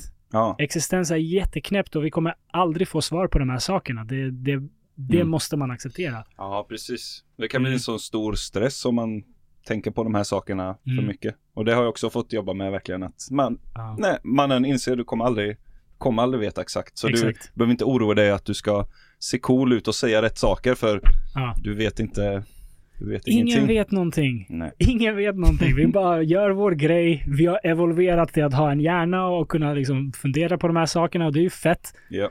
Men Mhm. det betyder inte att vi har svaren. Nej. Och då kan du lika gärna försöka behandla dig själv bra och le åt andra. Och Exakt. åter det till det här att om allting är ett, om man ler åt någon så ler man åt sig själv och det spiralar runt och går tillbaka in och ut i ens eh, system. Jag fick den känslan en gång, det här är så jävla flummigt. Jag, jag satt på en ehm, eh, på, på ett jobbmöte länge sedan och då var det en, eh, en kvinna som föreläste om vad det nu var eller presenterade någonting. Mm. Och jag fick ögonkontakt med henne. Och jag fick den här känslan så intensivt att det där är jag. Det är jag, bara i en annan form, Mm. som står och pratar inför mig själv. Mm. Du vet, jag, jag, jag fick någon sorts connection som varade i liksom bara en millisekund. Men jag bara kände att just det, vi är inte två separata varelser, vi är ett. Tillsammans med allt annat. Ja. Det var så flummigt. ja, låter fett. Ja, ja. Ja. Och jag var helt nykter. Ja. Det- det- var, det var på kontoret. Jag var Ja. helt nykter. Så, så såg var, hon att, var, hon, att, du, att du såg det Det henne? där är en bra fråga. Ja. Jag, jag undrar om hon såg ögonkontakten och bara, vad fan håller han på med? Ja, om man hörde hennes inre dialog. Den här konstiga juggen här. Mycket möjligt, mycket möjligt. Hon bara, fucking creep. Vad kollar han på mig sådär för? Eh, men jag fick en verkligen så här stark eh, känsla. Det, det var nog under samma veva som jag tänkte mycket på de här sakerna och som jag läste Alan Watts och, och liksom Mm. försökte få ordning på det här. Så det, det fanns nog någonstans där, top of mind. Mm. Men jag minns, det, det var inte en tanke jag hade. Det var inte så att jag satt och tänkte det. Utan det var verkligen en känsla kom- jag fick. ja. Som bara, oh jävlar, vi är inte separata. Vi, är, vi är alla ett. Ja, Du vet. Så det Fett. var det som var så coolt. Att det inte var att jag satt och funderade på det. Utan verkligen Mm. det kom av sig självt. det är fascinerande vart, vart de sakerna kommer ifrån. Det är fascinerande vart alla saker kommer ifrån. ja, Jag, jag tycker en, en, en grej som är så jävla eh, fantastisk är när man försöker komma på något. Du vet, Mm. man, man försöker tänka på något, någons namn. ja. Och det, det finns inte. Det, det, det spelar ingen roll vad du gör, det kommer inte. Och sen plötsligt kommer det. ja när du har släppt det på riktigt. vad, vad händer däremellan? ja. vad händer? Är det liksom... Är det någon synapsblock som bara släpps? Hur Ja. är det här möjligt? Jag har samma hjärna nu som då. Mm. Jag tycker allt det här är Ja. sjukt Det fascinerande. känns som rent evolutionärt så hade det varit bättre för ett djur om de så här kunde komma åt det de tänkte på för att de tänkte på Ja. det, inte för att de... Ja, jag Mm. antar det. Dock är det ju inte evolutionärt fördelaktigt att tänka, eh, vad ska man säga, eh, uppmärksamma allt man ser och hör och, och, och känner. Nej, Då hade vi inte kunnat funka. Om, om vi liksom såg allt, det hade varit så överväldigande mycket information så vi Ja. hade inte överlevt. det är sant. Mm. Det var några som gjorde ett ehm, experiment. Eh, jag lyssnade på en podcast. Det är en snubbe, jag kommer inte ihåg vad han heter nu, men han har forskat på det här rätt mycket, att, som, som hävdar att ehm, det vi ser är inte verkligheten. Det är en tolkning Mm. som är fördelaktig för vår överlevnad. Du kanske har hört det här också. Mm. Eh, Så allt vi ser runt omkring oss är vårt, eller det vi tror vi ser, är vår hjärnas tolkning som maximerar chansen för att överleva. Mm. Och om vi faktiskt såg saker exakt som de är, så hade vi inte, det hade inte varit det optimala för överlevnad. Till exempel om vi hade sett alla luftmolekyler. Det är klart Mm. att det inte är bra. Nej, nej. Då hade vi inte kommit långt. Man hade sjukskrivit sig eh, från jobbet det snabbt. hade varit ganska svårt att funka om man, om man verkligen såg allt. Ja. Ehm, och de gjorde en simulation. De gjorde eh, ett simulerat universum med flera olika varelser. Där vissa såg sin omgivning exakt som den är. Och andra ehm, såg, ja, och optimerade för att nå föda och, och vad de nu ja, behöver. det. och det visade sig ganska fort att de som såg hel, de som hade hela bilden, de dog ut jättefort. Medan de Mm. som optimerade, som vår evolution har optimerat oss, eh, de överlever. Ja, det. Så det är sant att vi, att verkligheten inte är det vi tror att den är. Nej.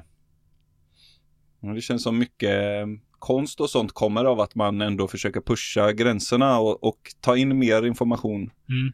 Eh, om man går till psykedelika och sånt. Mm. Känns som man eh, låser upp eh, vissa, vissa av de eh, ehm, eh, bl- blockagen liksom. ja. De, de håller på att studera det här på eh, Imperial College, tror jag det heter, i, i, i England. Och deras ledande teori är just det, att psykedelika tillåter en att se mer av verkligheten som den är.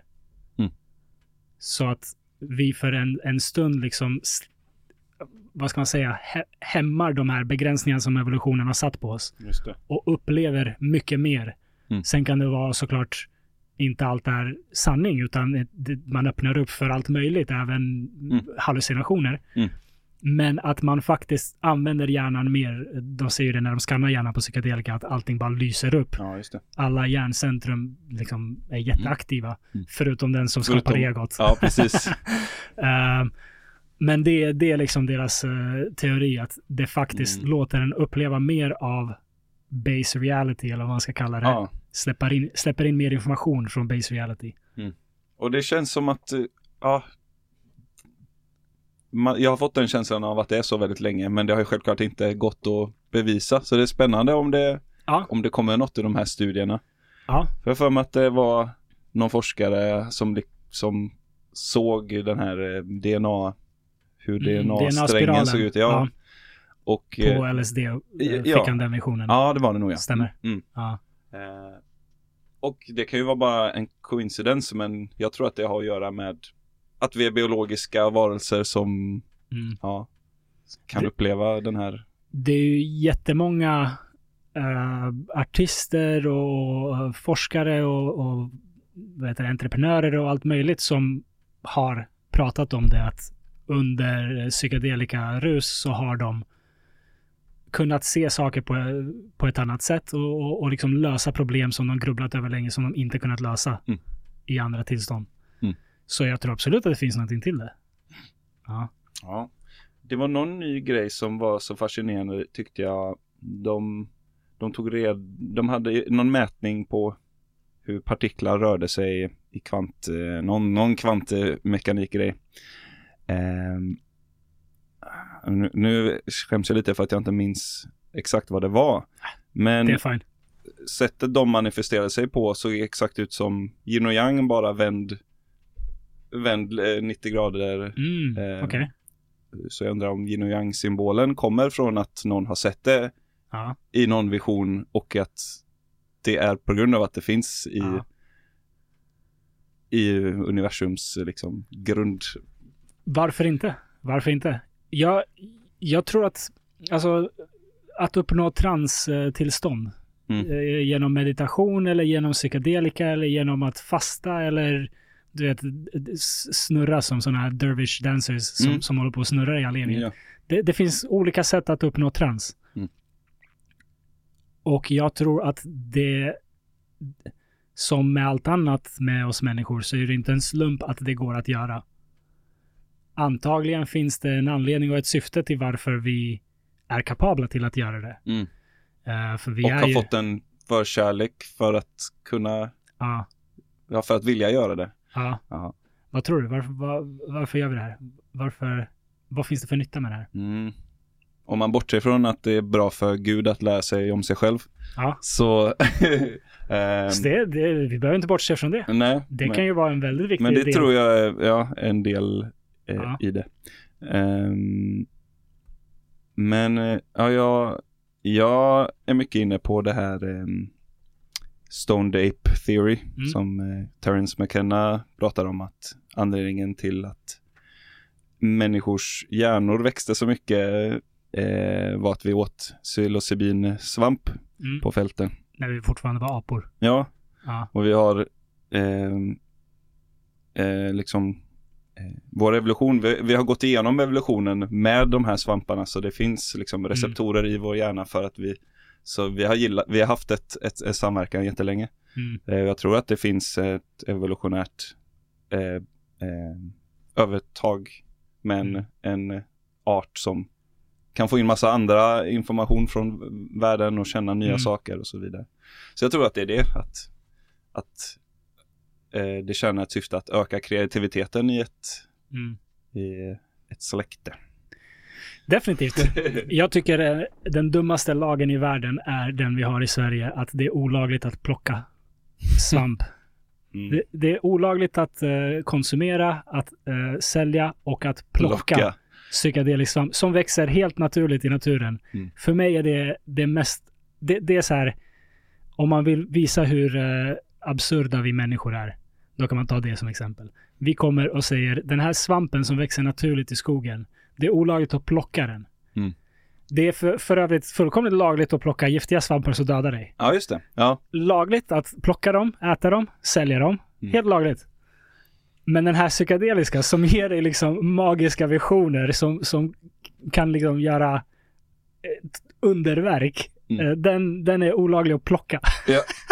Ja, det är så jävla skönt. Det, när, de, när de satt och skrev den lagen, alltså de människorna. Det, hur, hur skriver man en sån lag och tänker, inte tänker så här, okej, där kanske är Mm. lite att ta i. Ja. Pinsamt. Ja. Men jag tror det håller på att ändras. Det, det görs så mycket studier i Sverige nu, det görs så mycket Mm. eh, dokumentärer, det, det snackas mycket mer om psykedelika. Jag, jag tror att det är på väg att Precis. luckras upp. Sverige är trögt, men eh, Ja. det kan inte ta hur lång tid som helst.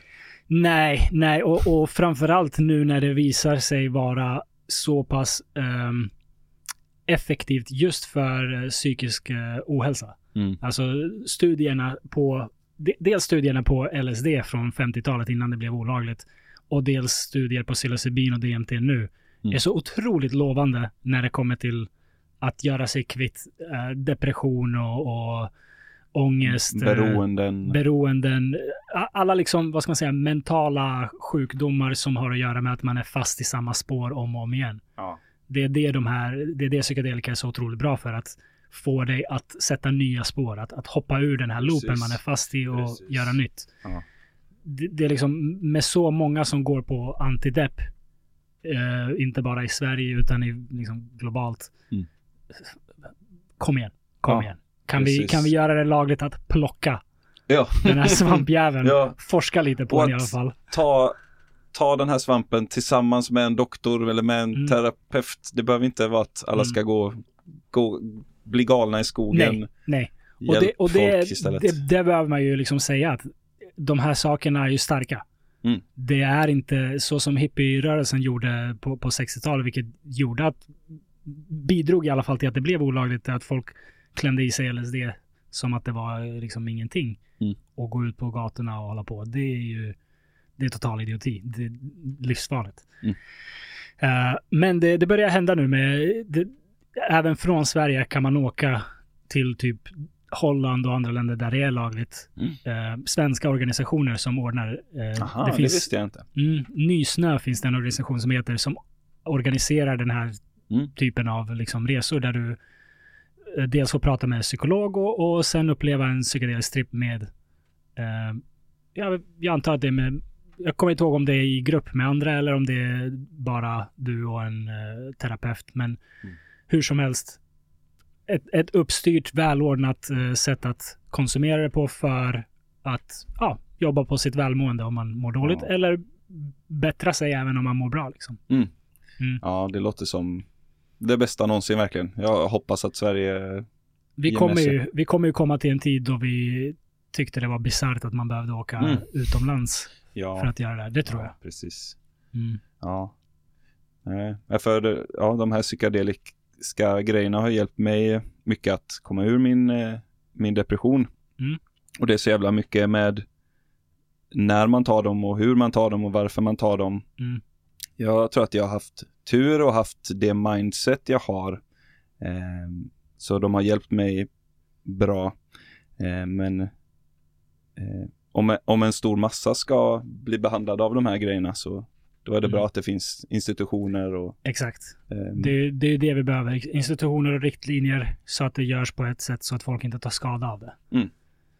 Det, det är ju vad som hände på 60-talet. Liksom, att folk bara spred det och, och, och då tog folk skada av det. Och Mm. Sen blev motreaktionen att man förbjöd det i liksom 50 år, Ja, till och med hade forskning. propagandakrig mot det och Ja. gjorde alla livrädda för det. Ehm, vill du berätta om det? Hur, hur hjälpte det dig? Mm. Ehm, ja, då kan vi hoppa tillbaka lite i historien här bara till när jag, jag hoppade av kristendomen. Mm. Började upptäcka shamanism några år senare via min pappa som hade gått en nybörjarkurs i shamanism också. Mm. Och han hade då gått i terapi, eh, men det hade inte hjälpt någonting. Okej. Och så hade han efter att han hade varit på schamankursen, då hade han fått uppleva saker så släppte det och så kunde han prata om det. Mm, Okej. Ehm, så det ville jag också testa. Men då trodde jag inte, då trodde jag inte på några andar eller någonting sånt där. Och, ehm, ja, för jag hade ju lämnat kyrkan kallade mig ateist och ville verkligen inte, nu ska jag inte bli lurad av något nytt eh, dumt system, Ja. ett, eh, religiöst system. Men jag var väldigt intresserad för att det de pratade om var att gå in i trans och besöka en annan värld. Och jag Mm. bara, det här är så fett. Eh, och att göra detta gjorde att pe- trycket från min depression släppte ganska mycket. För då Att göra vad då? att eh, shaman. göra shamanresor, Mm. ja. Så det var ju liksom, man, jag utforskade en, en stor inre värld där. Eh, inom den shamanismen jag har jobbat med så finns det tre olika lager av andevärlden. Mm. Så det finns undervärlden och mellanvärlden och övervärlden. Och alla de här tre världarna är liksom stora universum man kan utforska och träffa eh, massa andar och djur och eh, så Får, jag, får jag flika in med en fråga? Mm. Det finns väl eh, olika typer av shamanism. Jag menar latinamerikansk och samisk är inte samma. Så nej, vad den, den du har hållit på med och håller på med, det, vad, Mm. vad är det för typ av shamanism? eh, det kallas för neoshamanism. Eh, och det kom under new, new age-vågen. Mm. Så eh, det är som ett amalgam av, eh, av alla shamantraditioner. Eh, tog det som de flesta hade gemensamt eh, och gjorde det som till en mer lättillgänglig västerländsk eh, version av det som inte behövde vara kopplad till en specifik kultur och så vidare. Mm. Eh, men så väldigt vanligt är det här med mellanvärld, undervärld och övervärld. Okej. Så mellanvärlden ser ut som, som här. Man kan åka till Stockholm i mellanvärlden. Sen finns det undervärlden där man hämtar kraft och eh, kommunicerar med sina andar, eh, sina kraftdjur. Och sen har man sin lärare uppe i övervärlden. Eh, så alla de här, eh, mitt kraftdjur och min andelärare fick jag lära känna eh, under en veckas tid och gjorde flera resor in i mig själv och pratade och var på äventyr och så. Så när jag kom ut ur denna eh, eh upplevelsen eller denna kursen eh, trycket jag hade känt inför att leva, jag kände mm, den här syndaren och att jag var en dålig människa. Eh, jag insåg att jag är så mycket större än vad jag insett. Det finns så mycket att upptäcka i mig själv. Eh, så det, redan där så började, började det nystas upp lite. Mm. Eh, sen blev det att jag kom in i den psykedeliska jag började experimentera med psykedelika efter detta. Eh, och behandlade psykedelikan med eh, ehm, respekt Mm. till den grad där det eh, verkligen gick att förändra mig. Ehm, så jag började först med LSD. Det var inte så starkt att det förändrade någonting, men det fick mig att må bra. När jag tog LSD så glömde jag bort att jag hatade mig själv. Mm.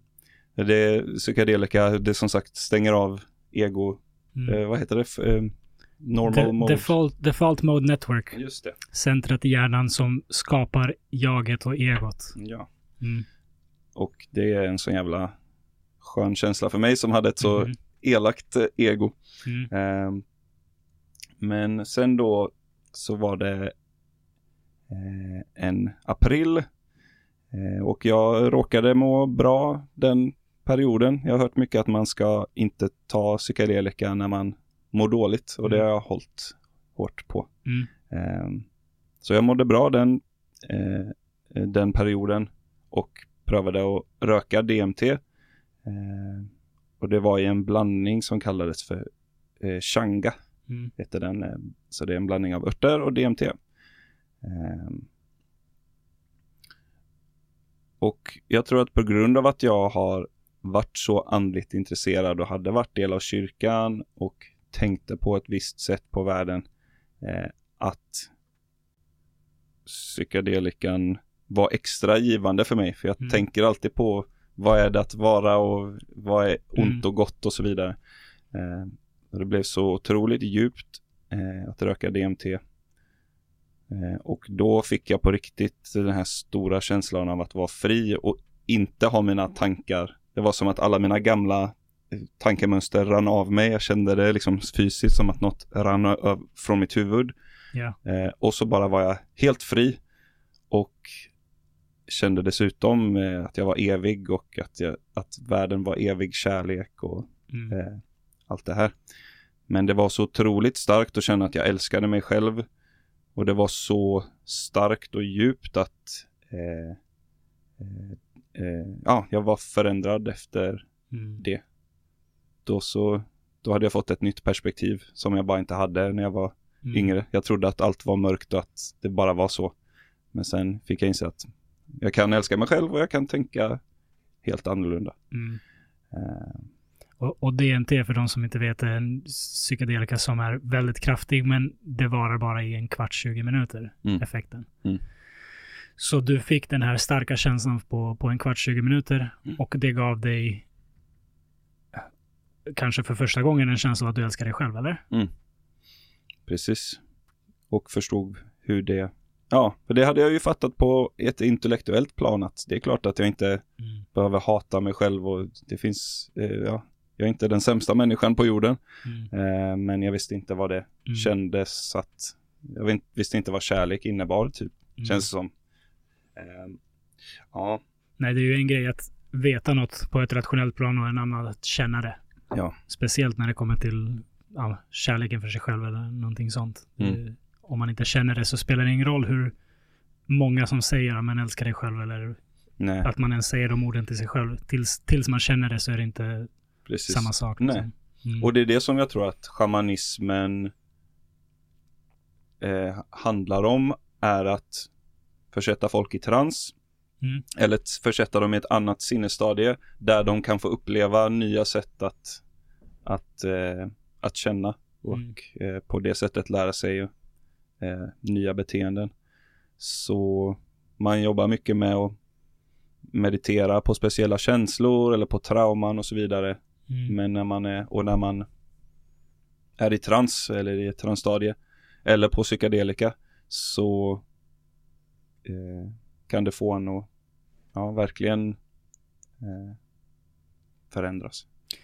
Vi var inne på det. Vad, vad är det här med eh, de olika möjligheterna att komma till transtillstånd? Vad det är till för? Mm. Och nu kommer vi ju in på lite mer praktiskt att det kan faktiskt vara något läkande. Mm. Just det. Um, det är ju mycket möjligt att det det det finns för. Alltså, jag, jag Mm. tror att vi människor, vi levde ett mycket mer spirituellt liv en gång i tiden.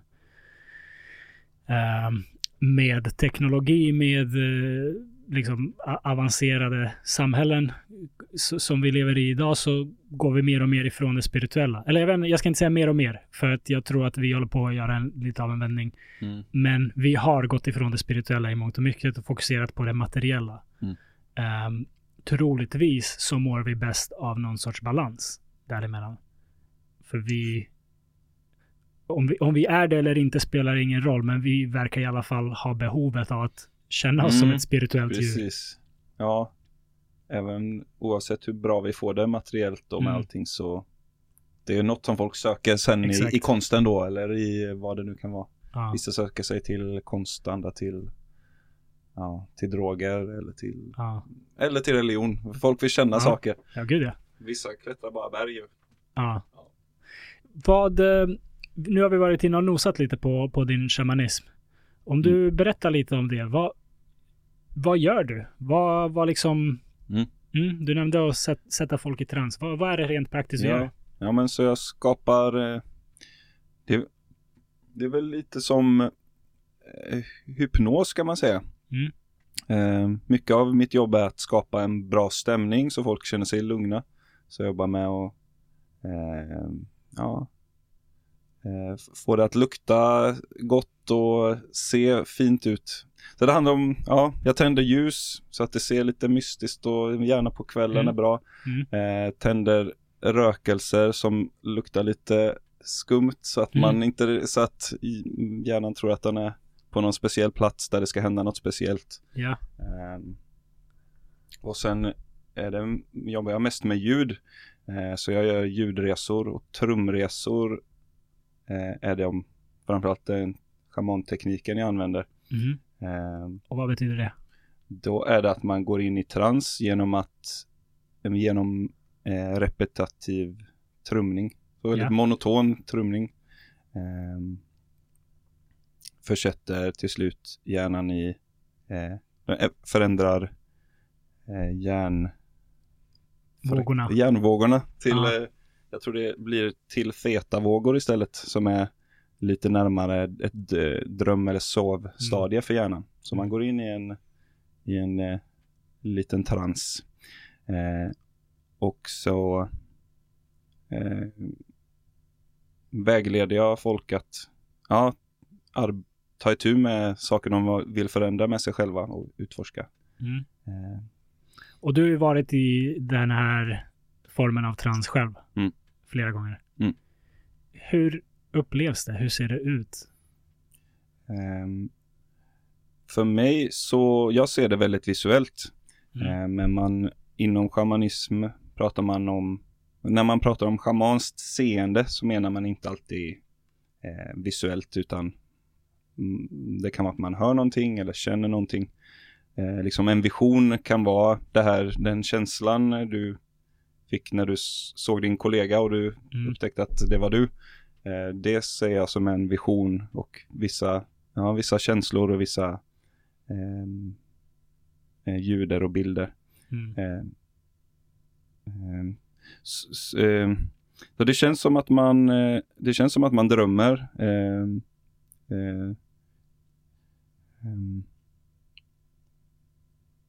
ja, det känns som att man drömmer. Har man någon kontroll på drömmen eller Mm. upplever man bara? Mm.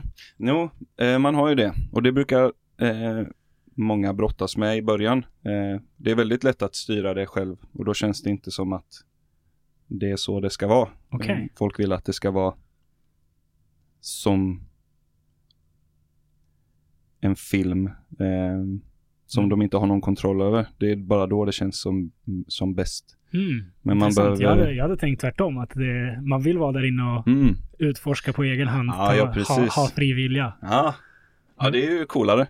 Eh, men, eh, men då tycker folk att det är lite fusk tror jag. Ehm, eh, och man kan ju ganska lätt då gå in i någon power fantasy. och bara, Ah, ja, men jag såg mig själv ha Just mycket det. pengar så nu ska jag väga mitt liv åt att Just ha det. mycket pengar för det är min rätt. Ehm, nej men eh, det man vill är att låta det undermedvetna skapa bilderna så mycket som möjligt. Ja. Och sen så, men sen så är ju du där och, och styr och eh, Är det... ehm, är, är jag där? Är, det, är egot kvar? I en sån här upplevelse? Ja, eh, ja, det Okej. är det. Mm. I samma mån som det är här. Eh, på samma sätt kan du frånkoppla dig ditt ego där. Du kan meditera i din Just det. Eh, Wow. trumresa.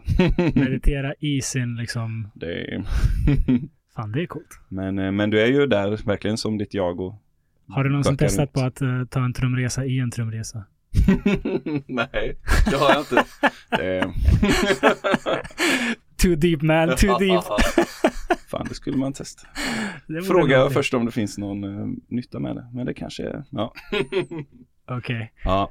Eh, ehm, ja men musik, så, så jag gör trumresor helt enkelt. Mm, mm. Och musik, det kan starta så många känslor i kroppen. Det, Ja.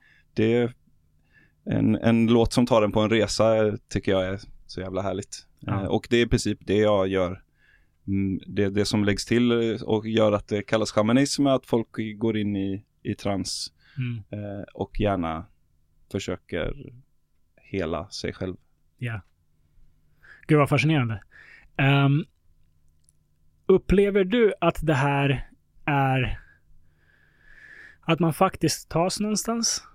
Eller att det är, ja, men som du nämnde, närmare en dröm och då kanske det är något som fullkomligt fabriceras av ens huvud? Eller hur, hur upplever du det? Mm. Mm.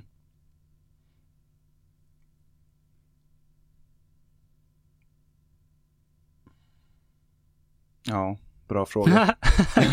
kanske inte lätt att svara på. Nej, alltså fysiskt är ju sig själv. Din kropp är ju kvar på samma plats. Ja. Ehm, jag, nej, jag har ingen åsikt eh, riktigt så här. Jag säger att man reser någonstans, men eh, om det, ja. Det, det, I slutändan spelar det kanske inte så stor roll. Nej, precis. Och jag har tänkt på det med typ, eh, nu, nu kanske jag hoppar jättemycket. Men okej. om, om någon frågar om det finns mening med någonting, Ja. då kan man svara självklart finns det mening med någonting för jag tycker det här är meningsfullt. Ja. Eh, men abstrakt, eh, liksom i den yttersta randen av verkligheten kanske inte mening finns. Eh, men eh, om vi kan känna att vi reser någonstans så mm, eh, kanske vi gör det. Men bara inte på, vår kropp reser ingenstans. Upple upplevelsen är äkta oavsett om den bara sker i huvudet Ja. eller om det faktiskt är ens ande som åker någonstans. Precis. Och, Eh, och insikterna man tar med sig är äkta. ja. Mm. Men det kan vara knepigt med det. Det mycket, kan vara mycket ego som kommer in där också eh, inom den andliga rörelsen. Att det är väldigt viktigt att det är på riktigt, att man faktiskt reser någonstans. Men jag, jag kan inte, jag vet att jag inte vet. Om man faktiskt reser någonstans, så då säger Alltså, inte jag det. ska man liksom ta det till sin spets så vet man ju inte om det vi upplever här och nu är på riktigt heller. Mm. Det, det går ju inte. Och det, det tycker jag, det, det är en av de mest in, fascinerande insikterna jag har fått av psykedelika. Mm. Att jag har sett saker som jag vet inte sker på riktigt. Mm. Men jag ser dem. Och det, det, det kan låta läskigt och det, det är säkert läskigt om man inte är beredd på det. Men det finns någonting så otroligt vackert och mäktigt i det också. Frikopplande på något sätt. Att man så här, Ja. man kan se lite mer lättsamt på livet. För att det är så här, ah, okej. En illusion kan vara så här övertygande. Mm. Fan vad coolt. då, då, är det ju, då är det mycket möjligt att allt, allt annat också är någon form av illusion. Mycket mer beständig. Mm. Men ja, man, Ja. Kan, man kan ta det lite lättsammare. För, för mig var det så i alla fall. Mm. Att jag kunde ta livet lite mer lättsamt. Precis, ja. Och att vi ser det vi gör kanske bara är för att vi ska överleva och att det ska vara lätt för oss. Men egentligen är det en mycket mer komplicerad bild. Ja. Ja. ja, det är coolt. Det är coolt. Mm. Jag, jag, jag, tror, jag tror verkligen att psykedelika är ett verktyg som verktyg, det låter så eh, materialistiskt. Nu, nu vill jag säga Mm. att det, Mm. det, det är ett, ett eh, hjälpmedel för oss att dels må bättre, som vi pratade om innan, Mm. ehm, rent psykisk hälsa mässigt. Mm. Eh, men också att uppskatta universum på ett helt annat sätt. Jag, jag, Mm. jag tror verkligen att det, det finns en kraft i det som vi för, förhoppningsvis kommer att återupptäcka på ett bra sätt. Så, Mm. som liksom tar oss framåt Ja, som art. ja det, det vill jag också tro. Ja. För det, ja, det är något liksom så fantastiskt med de, de här, eh, ja men med psilocybin, svamp och, och eh, ja, att, att psykedelika finns naturligt i världen Exakt. och på något sätt skapar det här eh, känslan av eh, förundran över hur Mm. fett universum är. Det är som att, ja, vi, vi skapar konst för att vi är passionerade över verkligheten och psykedelika är på något sätt Mm. eh, något som ger oss eh, den här driven också. Mm. Och det, det är liksom folk som aldrig har testat, det, det låter så otroligt flummigt. Mm. Det, det går inte att beskriva i ord för att det finns inga ord som kan beskriva upplevelsen. Liksom. Det, det är någonting väldigt annorlunda. Ehm, men just det att det finns i naturen, vad man än tycker om det, det ska vara olagligt eller inte, eller liksom man är helt emot det eller inte, spelar ingen roll. Att det finns naturligt växande eh, svampar eller, eller liksom andra typer av Kaktusar. växter, Mm. kaktusar, som kan ge oss människodjur den här upplevelsen som är så, så, ja, Mm. beyond words. Det är, och att man, som det gör att man finns. älskar sig själv och hela planeten liksom. Ja. Att, att det är möjligt är ju fascinerande i sig. Mm. Vad man än tycker om liksom psykedelika som, som substans. Mm. Ehm, och det är i alla fall värt att forska på. Mm. Jag, jag tycker det är jätte eh, upplyftande och uppmuntrande att se att det börjar göras mer. Mm. För uppenbarligen finns de där och uppenbarligen har de krafter som vi inte förstår oss på riktigt. Ja. Varför ska vi bara så här, nej det där är olagligt, plocka inte den. Mm. Plockar du den där svampen, då kan vi slänga dig i, i en bur. Det är så här, kom igen, kom Ja. igen, vad, vad håller vi på med som, som djur om, om det är vårt sätt att Mm. hantera en sån sak? Ja, Ja, ja det, det, jag skrattade högt eh, då den gången när jag rökte DMT första gången ja, och fick känna mig så lycklig och fri. ja, Och så började jag tänka på, ja det är skitolagligt det jag gör nu och ja, det är knäppt. ja, jag bara, här ligger en liten uh, yngling som råkat få vara glad en kväll. Ja, Släng in han, stäng in han. det är knäppt. Eh, du tog med dig den känslan. Att, Mm. att du liksom mådde bättre, älskade dig själv. Mm. Var den... eh, s- satt den kvar? Mm. Den satt kvar i, i två veckor så bara kände jag mig upplyst. Ja. Allt var bara fucking fantastiskt. Ja. En av, an, en, av anledningarna, äh, en av anledningarna till det insåg jag lite senare var att jag hade tagit av mig mina glasögon den perioden också. Okej. Jag insåg att när jag har glasögon då, känner, då är min, mitt synfält lite av, avskuret. Just det. När jag tar av den så känner jag mig väldigt fri. Mm. Och så, så, här, så jag rökte DMT, kände mig upplyst, hade på mig eh, linser dagen efteråt och bara Jag ser så mycket mer! Mm. Eh, Det var en eh, bra En bra grej. Eh, Ja, men jag ett- ett kände sätt mig att- också helt liksom snorjävla lycklig i två veckor. Ja. Eh, och var bara svinbra på att hantera ångest. Så fort det kom ångest så insåg jag att nej men jag, jag och mina känslor är inte samma sak. Ja. Jag kan bara sitta utanför och inte må dåligt. Ja. Ehm, och samma sak med mina negativa tankar och bara, det är bara gamla Nils. eh, det, Ja. eh, sen till slut så kraschade jag, Mm. eh, men det var typ ett och ett halvt år senare, eller om det var Okej. ett år senare, eh, som jag började jobba eh, natt och allt det här då. Eh, Mm. Just och, det, just det. Mm, Då var det ju andra omständigheter liksom. ja, Eh, för folk som inte har mått illa eller gått igenom depression kan det låta så banalt. mm, Jag mådde bra i två veckor. ja, Det kan låta som, jaha, okej. Men när man från 13 till 18 mått så dåligt att man liksom skär sig själv och, och, och, det är så pass, så Mm. pass illa. Då antar jag att de där två veckorna, det, det är någonting stort. ja, ja, jag sitter och ryser nu. Ja, fan verkligen. Ja. Och jag är fortfarande liksom, det känns knäppt att, att ha många bra dagar Mm. eh, i rad. Eller liksom, nu har jag mått bra skitlänge. Mm. Eh, men det är fortfarande nytt för mig liksom. Mm. Ja. Eh, Nej, det, det är eh, an, antidepp. Tanken med antidepressiva Mm. är ju just det att när någon mår riktigt dåligt, att de är liksom självmordsbenägna, då ska man ta antidepp för att det ebbar ut alla känslor. Så att man under en kort... Tanken med antidepp är att de ska tas en väldigt kort tid. Mm. Så att man kommer ifrån de värsta tankarna och under den perioden kan jobba på grundproblemen som orsakar ens depression. Mm. Eh, så det är ju i princip det där, den effekten som du fick av DMT som man vill uppnå med antidepressiva. Mm. Men antidepressiva tar också bort allt, alla känslor, liksom, ebbar ut även det fina. Ja. Ehm, så det, det är ju, alltså, Och behand, liksom, det, det sätter kemi, den kemiska balansen mm, på en där det, på ett, en plats där det funkar. Men det gör Mm. ingenting för din andliga, eller liksom sättet du tänker, eh, orsaken till problemet och så vidare. det görs studier på det nu också. Jag lyssnade faktiskt nyligen på en podd. Det finns en podcast som heter eh, The Drug Science Podcast, tror jag den heter. Mm. Och handlar bara om vetenskap bakom diverse droger. Mhm. A- alla, alla möjliga.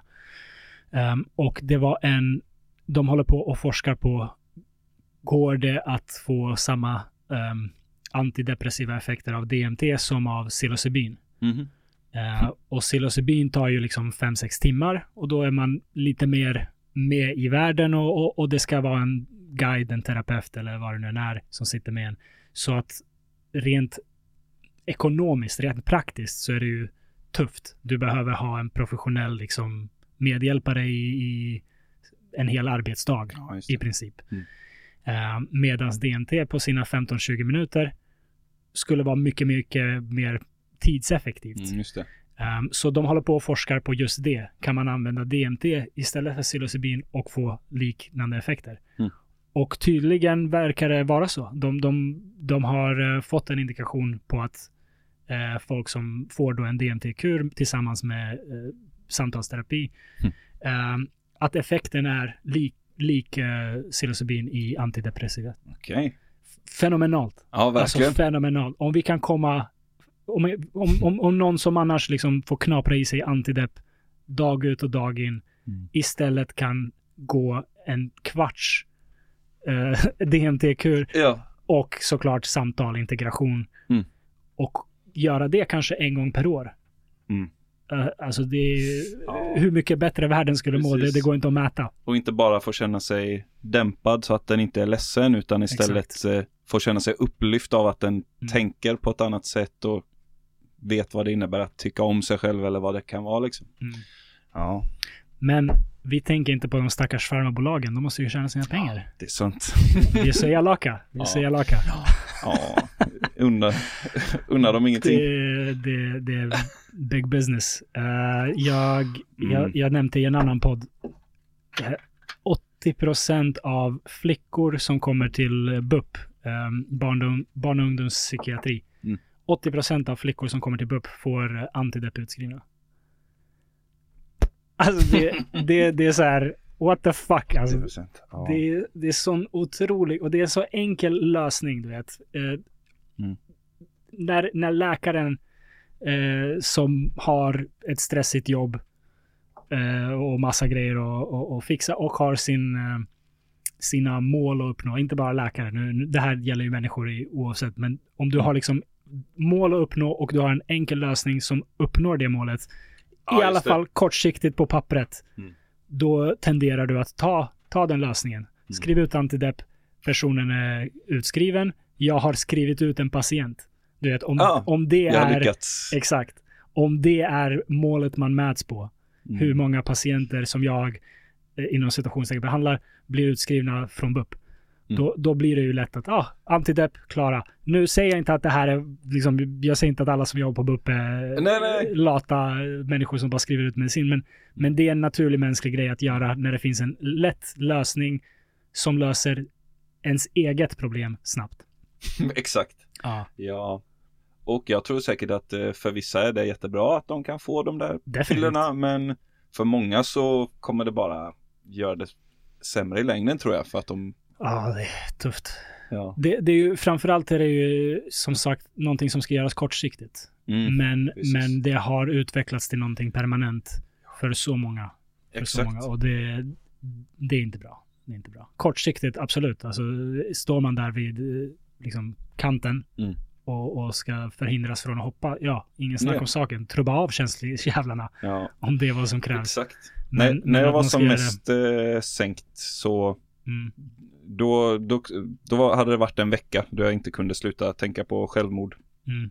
Så då eh, åkte jag till psykakuten och började ta eh, sertralin som är en vanlig Antidepp. antidepp. Mm. Ja. Ehm, jag hann bara ta den i två veckor och hann inte känna av någonting direkt. Men, eh, men då kändes det som att det var skönt att ta något snabbt när Mm. det inte gick att sluta tänka på, Ja, men det kan jag tänka mig. självmord. men sen så, så skulle jag åka och eh, ta psilocybinsvamp i Sydafrika. Mhm. Eh, så då var jag tvungen att sluta med mitt antidepp. Ja. För då, eh, då har inte svampen någon effekt. Eh, så jag ja, testade lite antidepp. Kände inte av varken negativt eller positivt. Mm. Min doktor sa att de var nog inte för dig om du inte känt någonting. Mm. Okej. Ehm, och Men- sen så tog jag svamp istället och mådde bra. Men du hade, du sa ju att du gjorde det när det var en period då du tänkte på sjuk, eh, självmord. Mm. Slutade du tänka på självmord när du tog dem? Mm. Ja, inte direkt. Jag gick, just det, jag gick till psykolog på den tiden också. Mm. Eh, och det var till slut psykologen som fick mig att tänka bättre Mm. tankar. Okej. Ehm, jag kommer inte ihåg exakt vart eh, självmordstankarna tog vägen. Um, jo men just det, det var då fick jag också sömntabletter och började Mm. få kontroll. Det var första gången i hela mitt liv jag haft sömntabletter, haft sömnproblem hela livet, aldrig Ah. testat eh, tabletter. Eh, och de hjälpte ganska bra och då så eh, insåg jag att mycket av min depression då som sagt kommer från att jag bara varit sömndepraverad också. Ja, ja, ja. För sen då har varje gång jag haft en period när jag inte sovit på tre dygn liksom, då kommer skärtankarna tillbaka och Mm. depressionen och sånt. Nu var det väldigt länge sedan jag hade en så lång period, men jag kan tänka mig att eh, ja, om jag Mm. sover dåligt igen så är alltid Mm. gamla, gamla gojset i hjärnan kvar där liksom. Mm. Eh, ja. Fan ändå knäppt att både antidepp och sömnpiller eh, ligger närmare till hands än KBT. Mm. Det, det är så upp och ner. Det är så upp och ner. Nu, återigen, jag förstår ju varför det blir så, för det, det är det snabba, enkla, Mm. eh, jag har löst min problem, mitt, mitt problem, eh, svaret. Ja. Men alltså KBTI, du vet, att testa att få en, en, en sömnrutin och, och Mm. eh, kop, koppla om tankegångarna så att det här får mig att tänka nu är jag trött. Mm. Du vet, a- a- alla sådana här små knep man kan göra utan att blanda in kemikalier. Ja. Det, det borde vara första steget. Det borde, vara, det borde vara standarden att det är första steget. Mm. Speciellt när någon faktiskt kommer till psykiatri för, för att få hjälp. Mm. Ja. Ja, fan verkligen. Mm. Det, ja, det är mycket som, som är upp och ner här i världen så man kanske inte ska stirra sig Ja, blind på det. Men, eh, Precis. men jag tycker att det, det, det, det finns förbättringspotential här. Ja, ja det, är, det är vidrigt eh, vad liksom, ja men Big Pharma och de riktigt, Mm, eh, eller hur mycket de rikaste företagen styr allting och mm, det är inte jättemycket människotänk där utan mm. det ska gå att tjäna pengar på det.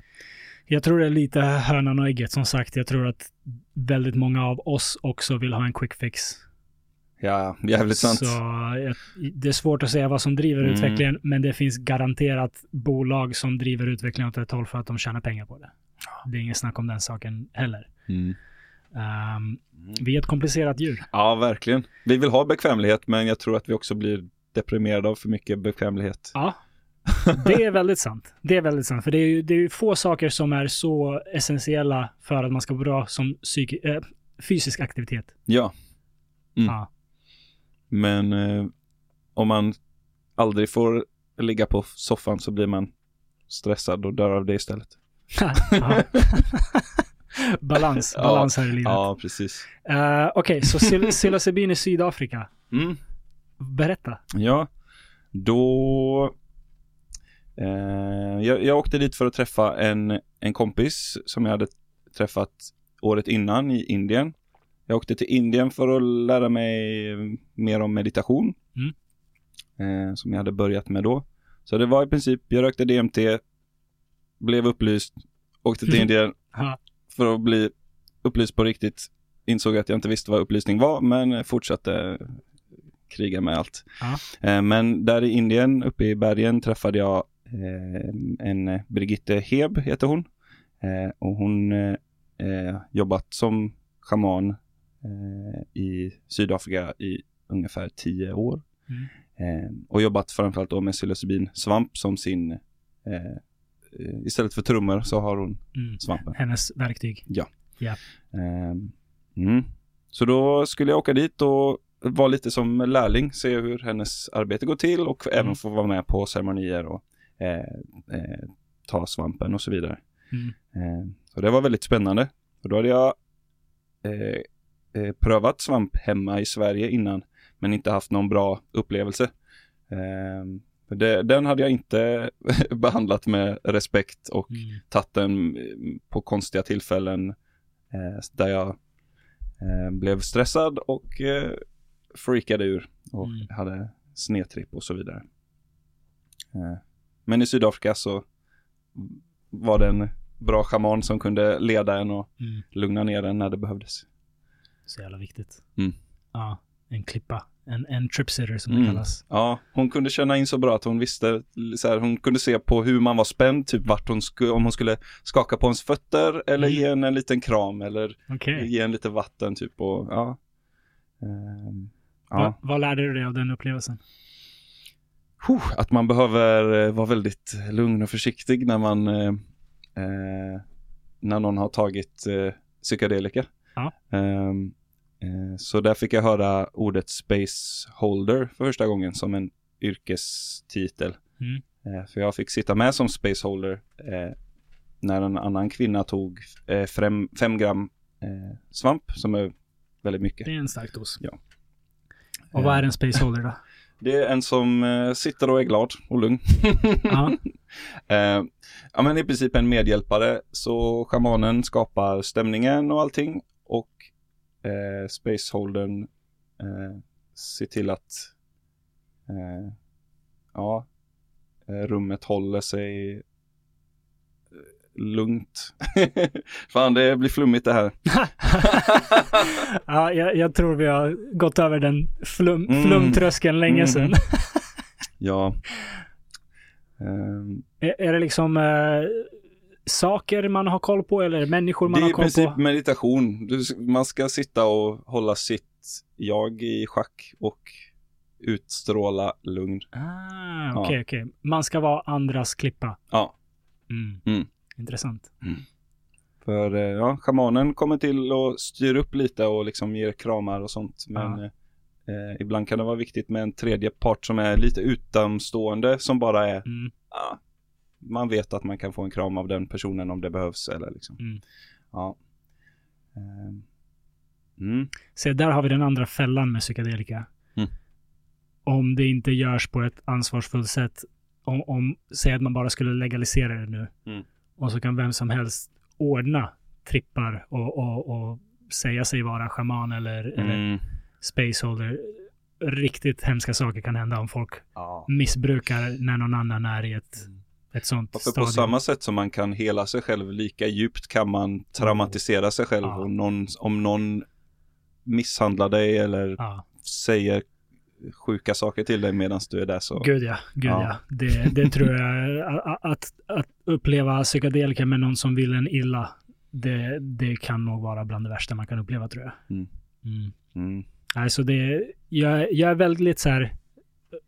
Jag är, ju- det, det, det är väl uppenbart vid det här laget att jag är väldigt positivt inställd. Mm. Men jag är också oerhört rädd för att vi ska göra det på ett dåligt sätt. Ja, ja, Eh, håller med. Det skulle vara, för, för det, resultatet av det skulle vara att vi kommer göra det olagligt igen och gräva, gräva ner Mm. det här under jorden. Ja, precis. Ehm, för folk kan ta så otroligt mycket skada om man gör det på ett oansvarsfullt sätt. Mm. Mm.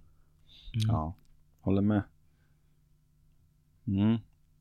Nej, så det skulle behövas ta in i, i ett system där det blir kontrollerat. Men Mm. man vill inte att Big Pharma eller någon, att fel person ska ha kontroll över det så att det Mm. ska liksom kommersialiseras eller bli en, Precis. en vara på det sättet. Precis, det, det är inte lätt att lösa Nej, det, det, det dilemmat. precis. Ehm, För men, en stor, en viktig del av det är att det är så, eh, har så mycket integritet och är så heligt på något sätt Ja. att det, det är viktigt att det behålls tror jag mm, för att eh, mm, ja, ha den effekt.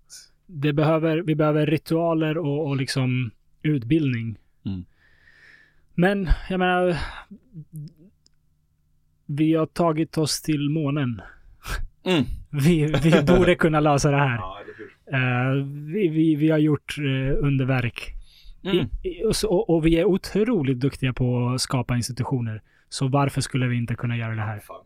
Och i, eh, i, i Amsterdam så säljer de mycket och det, jag, jag vet inte hur det går men samhället Ja. står kvar i alla fall. Det är sant. Eh, Det är sant. Ja. ja, jag tror att vi kommer komma dit även i, i långsamma Sverige. Men eh, det, det finns en organisation som heter Nätverket för, psyke, Nätverket för psykedelisk vetenskap. Ehm, som gör väldigt mycket gott arbete inom det här området. Som um, anordnar eh, föreläsningar, eh, workshops, eh, ja, går igenom, de, delar des, de senaste, eh, eh, vad heter det, eh, studierna och, Mm. och, och så vidare. Ehm, och jag tror att den typen av organisation behövs. Jag är glad att de finns, att, att det finns folk som tänker på, okej, om vi nu ska öppna upp det här, den här Pandoras-asken igen, efter att det har varit underground i, i 50 år, hur gör vi det på ett bättre sätt den här gången så att vi inte hamnar i samma fällor som sist. Mm. Det tror jag är superviktigt. Ehm, och jag är hoppfull för jag, jag tror att de som växte upp under den eran Mm. eh, de dog inte ut. Utan de skapade organisationer som MAPS i, i USA. Ja. Ja. Som, som har lärt sig sin läxa och, och spridit den kunskapen vidare så att vi börjar inte från noll idag. Nej. Eh, vi har med oss att det gick åt helvete på 60 och 70-talet. Ja. Och vi vill inte hamna i samma skit igen. Nej. Mm. Ja. Mm. Ja. Shaman eh, Nils. Eller nej, det var inte shaman. Du, andliga coachen Nils. Ja, ja, ja. Ehm, jag eh, tycker att eh, vi kan börja avrunda. Jag, jag tycker att eh, jag, jag är oerhört tacksam för att du har delat med dig både av eh, liksom fantastiska historier och väldigt mörka sidor av dig själv. Det är inte, det är inte lätt att göra. Det är oerhört viktigt att göra. Och, och det är därför jag gillar de här lång, långa samtalen. För att man kan komma, komma in till djupet. Och det är så viktigt att man delar med sig av sitt mörker för att det finns någon där ute som lyssnar Mm. som tänker som du gjorde när du var tonåring, att jag är unik. Unik syndare. Unik, Precis. unikt, Unikt dålig. dålig, ja. Ja. Eh, det, det är så viktigt att våga prata om de här sakerna för vi alla går igenom någonting. Alla, alla har någon mörkare period här i livet. Ehm, och det, det, det viktigaste i de perioderna är att man vet att man är inte ensam. Nej. Ehm, Jag så, håller med. så jag är evigt tacksam för att du ville dela med dig av de här de, de sidorna också. Mm. Ja, det jag är glad att få vara här. Mm. Ja. Ehm, vi hann inte prata om, om din musik ens. Nej, just det. Vi, vi kanske kan ta en liten, eh, en liten snackis om det. Ja, för jag ville, jag mm. ville säga, eh, ti- tipsa folk om att följa, följa din musik och allt sånt Ja, där. just det. Det får vi göra. Men först Så- eh, så- måste jag kissa. Okej, kisspaus, kisspaus. Alright. Tillbaka från kisspaus. Ja.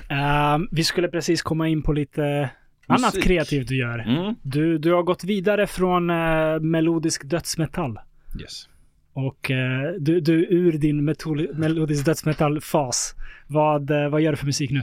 Nu gör jag något som, ja vad nu ska kallas.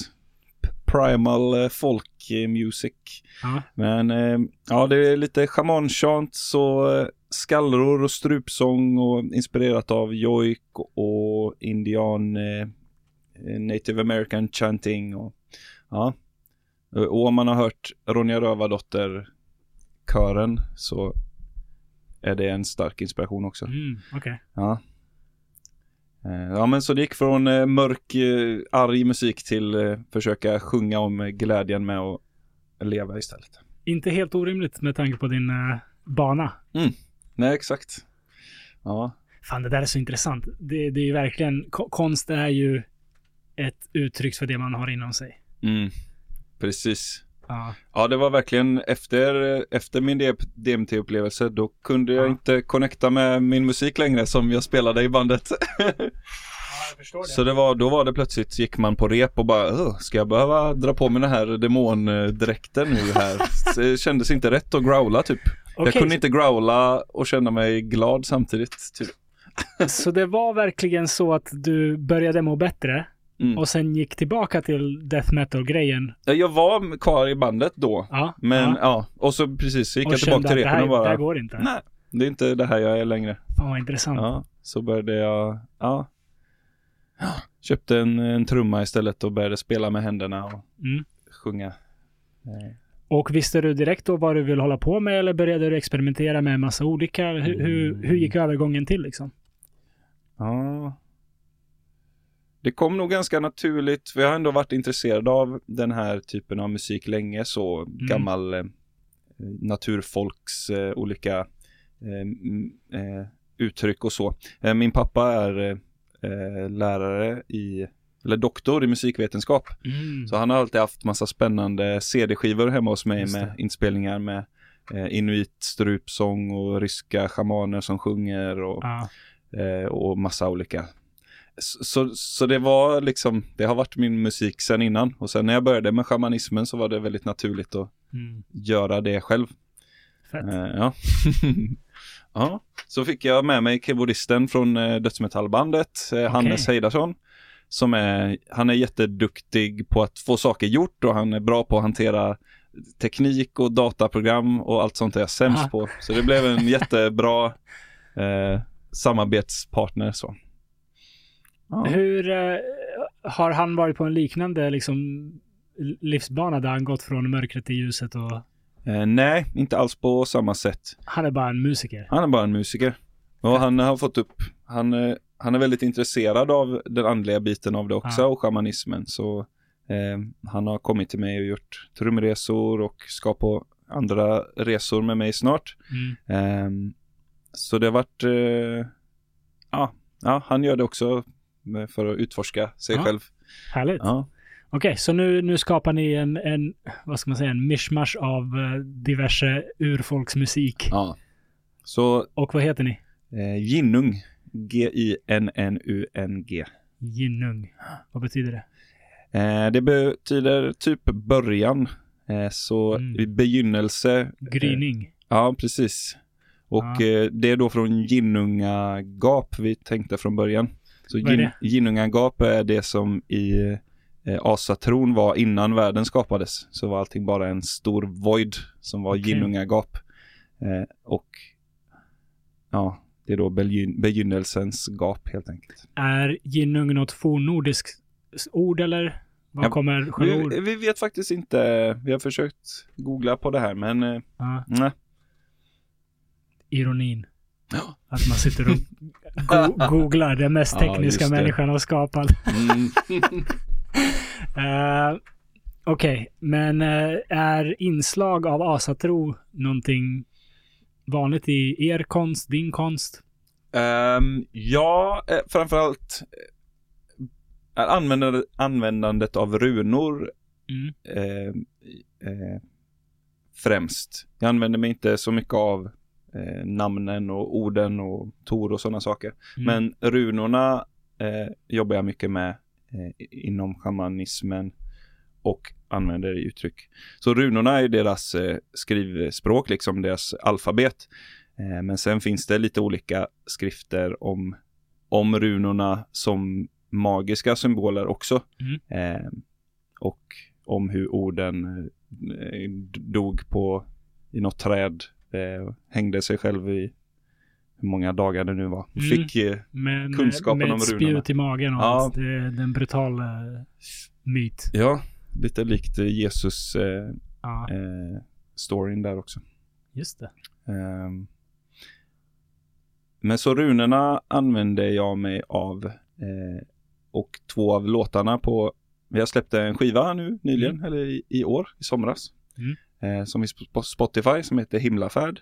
Eh, och där är två låtar eh, namngivna efter runor Okej. och utforskar Ja. de koncepten. Fett. Ja. Ehm, jag har ju hört er musik. Och den... Man blir hyped på ett sätt som är väldigt unikt. Det är inte bara det här, bli hype för att det kommer något med högt tempo. Utan ni bygger upp det så fint med, med röster och trummor. Eh, vad ska man säga? Progressivt. Att det, att det byggs upp en känsla. Eh, och, och ni sjunger i stämmor. Så att det blir lager på lager med mer och mer och, och, och mer och mer upplyftande. Så att till slut går det inte att, att sitta still. Man måste liksom upp och, och röra på sig om, om man började sit, stillasittande. Uh, eh, jag tycker det är riktigt uh, nice. Riktigt bra musik. Kul. Tack. Så Mm. allihopa, in på Spotify och lyssna på Ginnung Himlafärd. Yes. Bra grejer. Ska vi avrunda där eller har vi, har vi missat någonting viktigt? Eh, vi bandet, vi gjorde en ny inspelning igår. Eh, så vi kommer, jag tror, eh, ja, jag ska nog försöka pusha så att vi släpper den på Spotify också.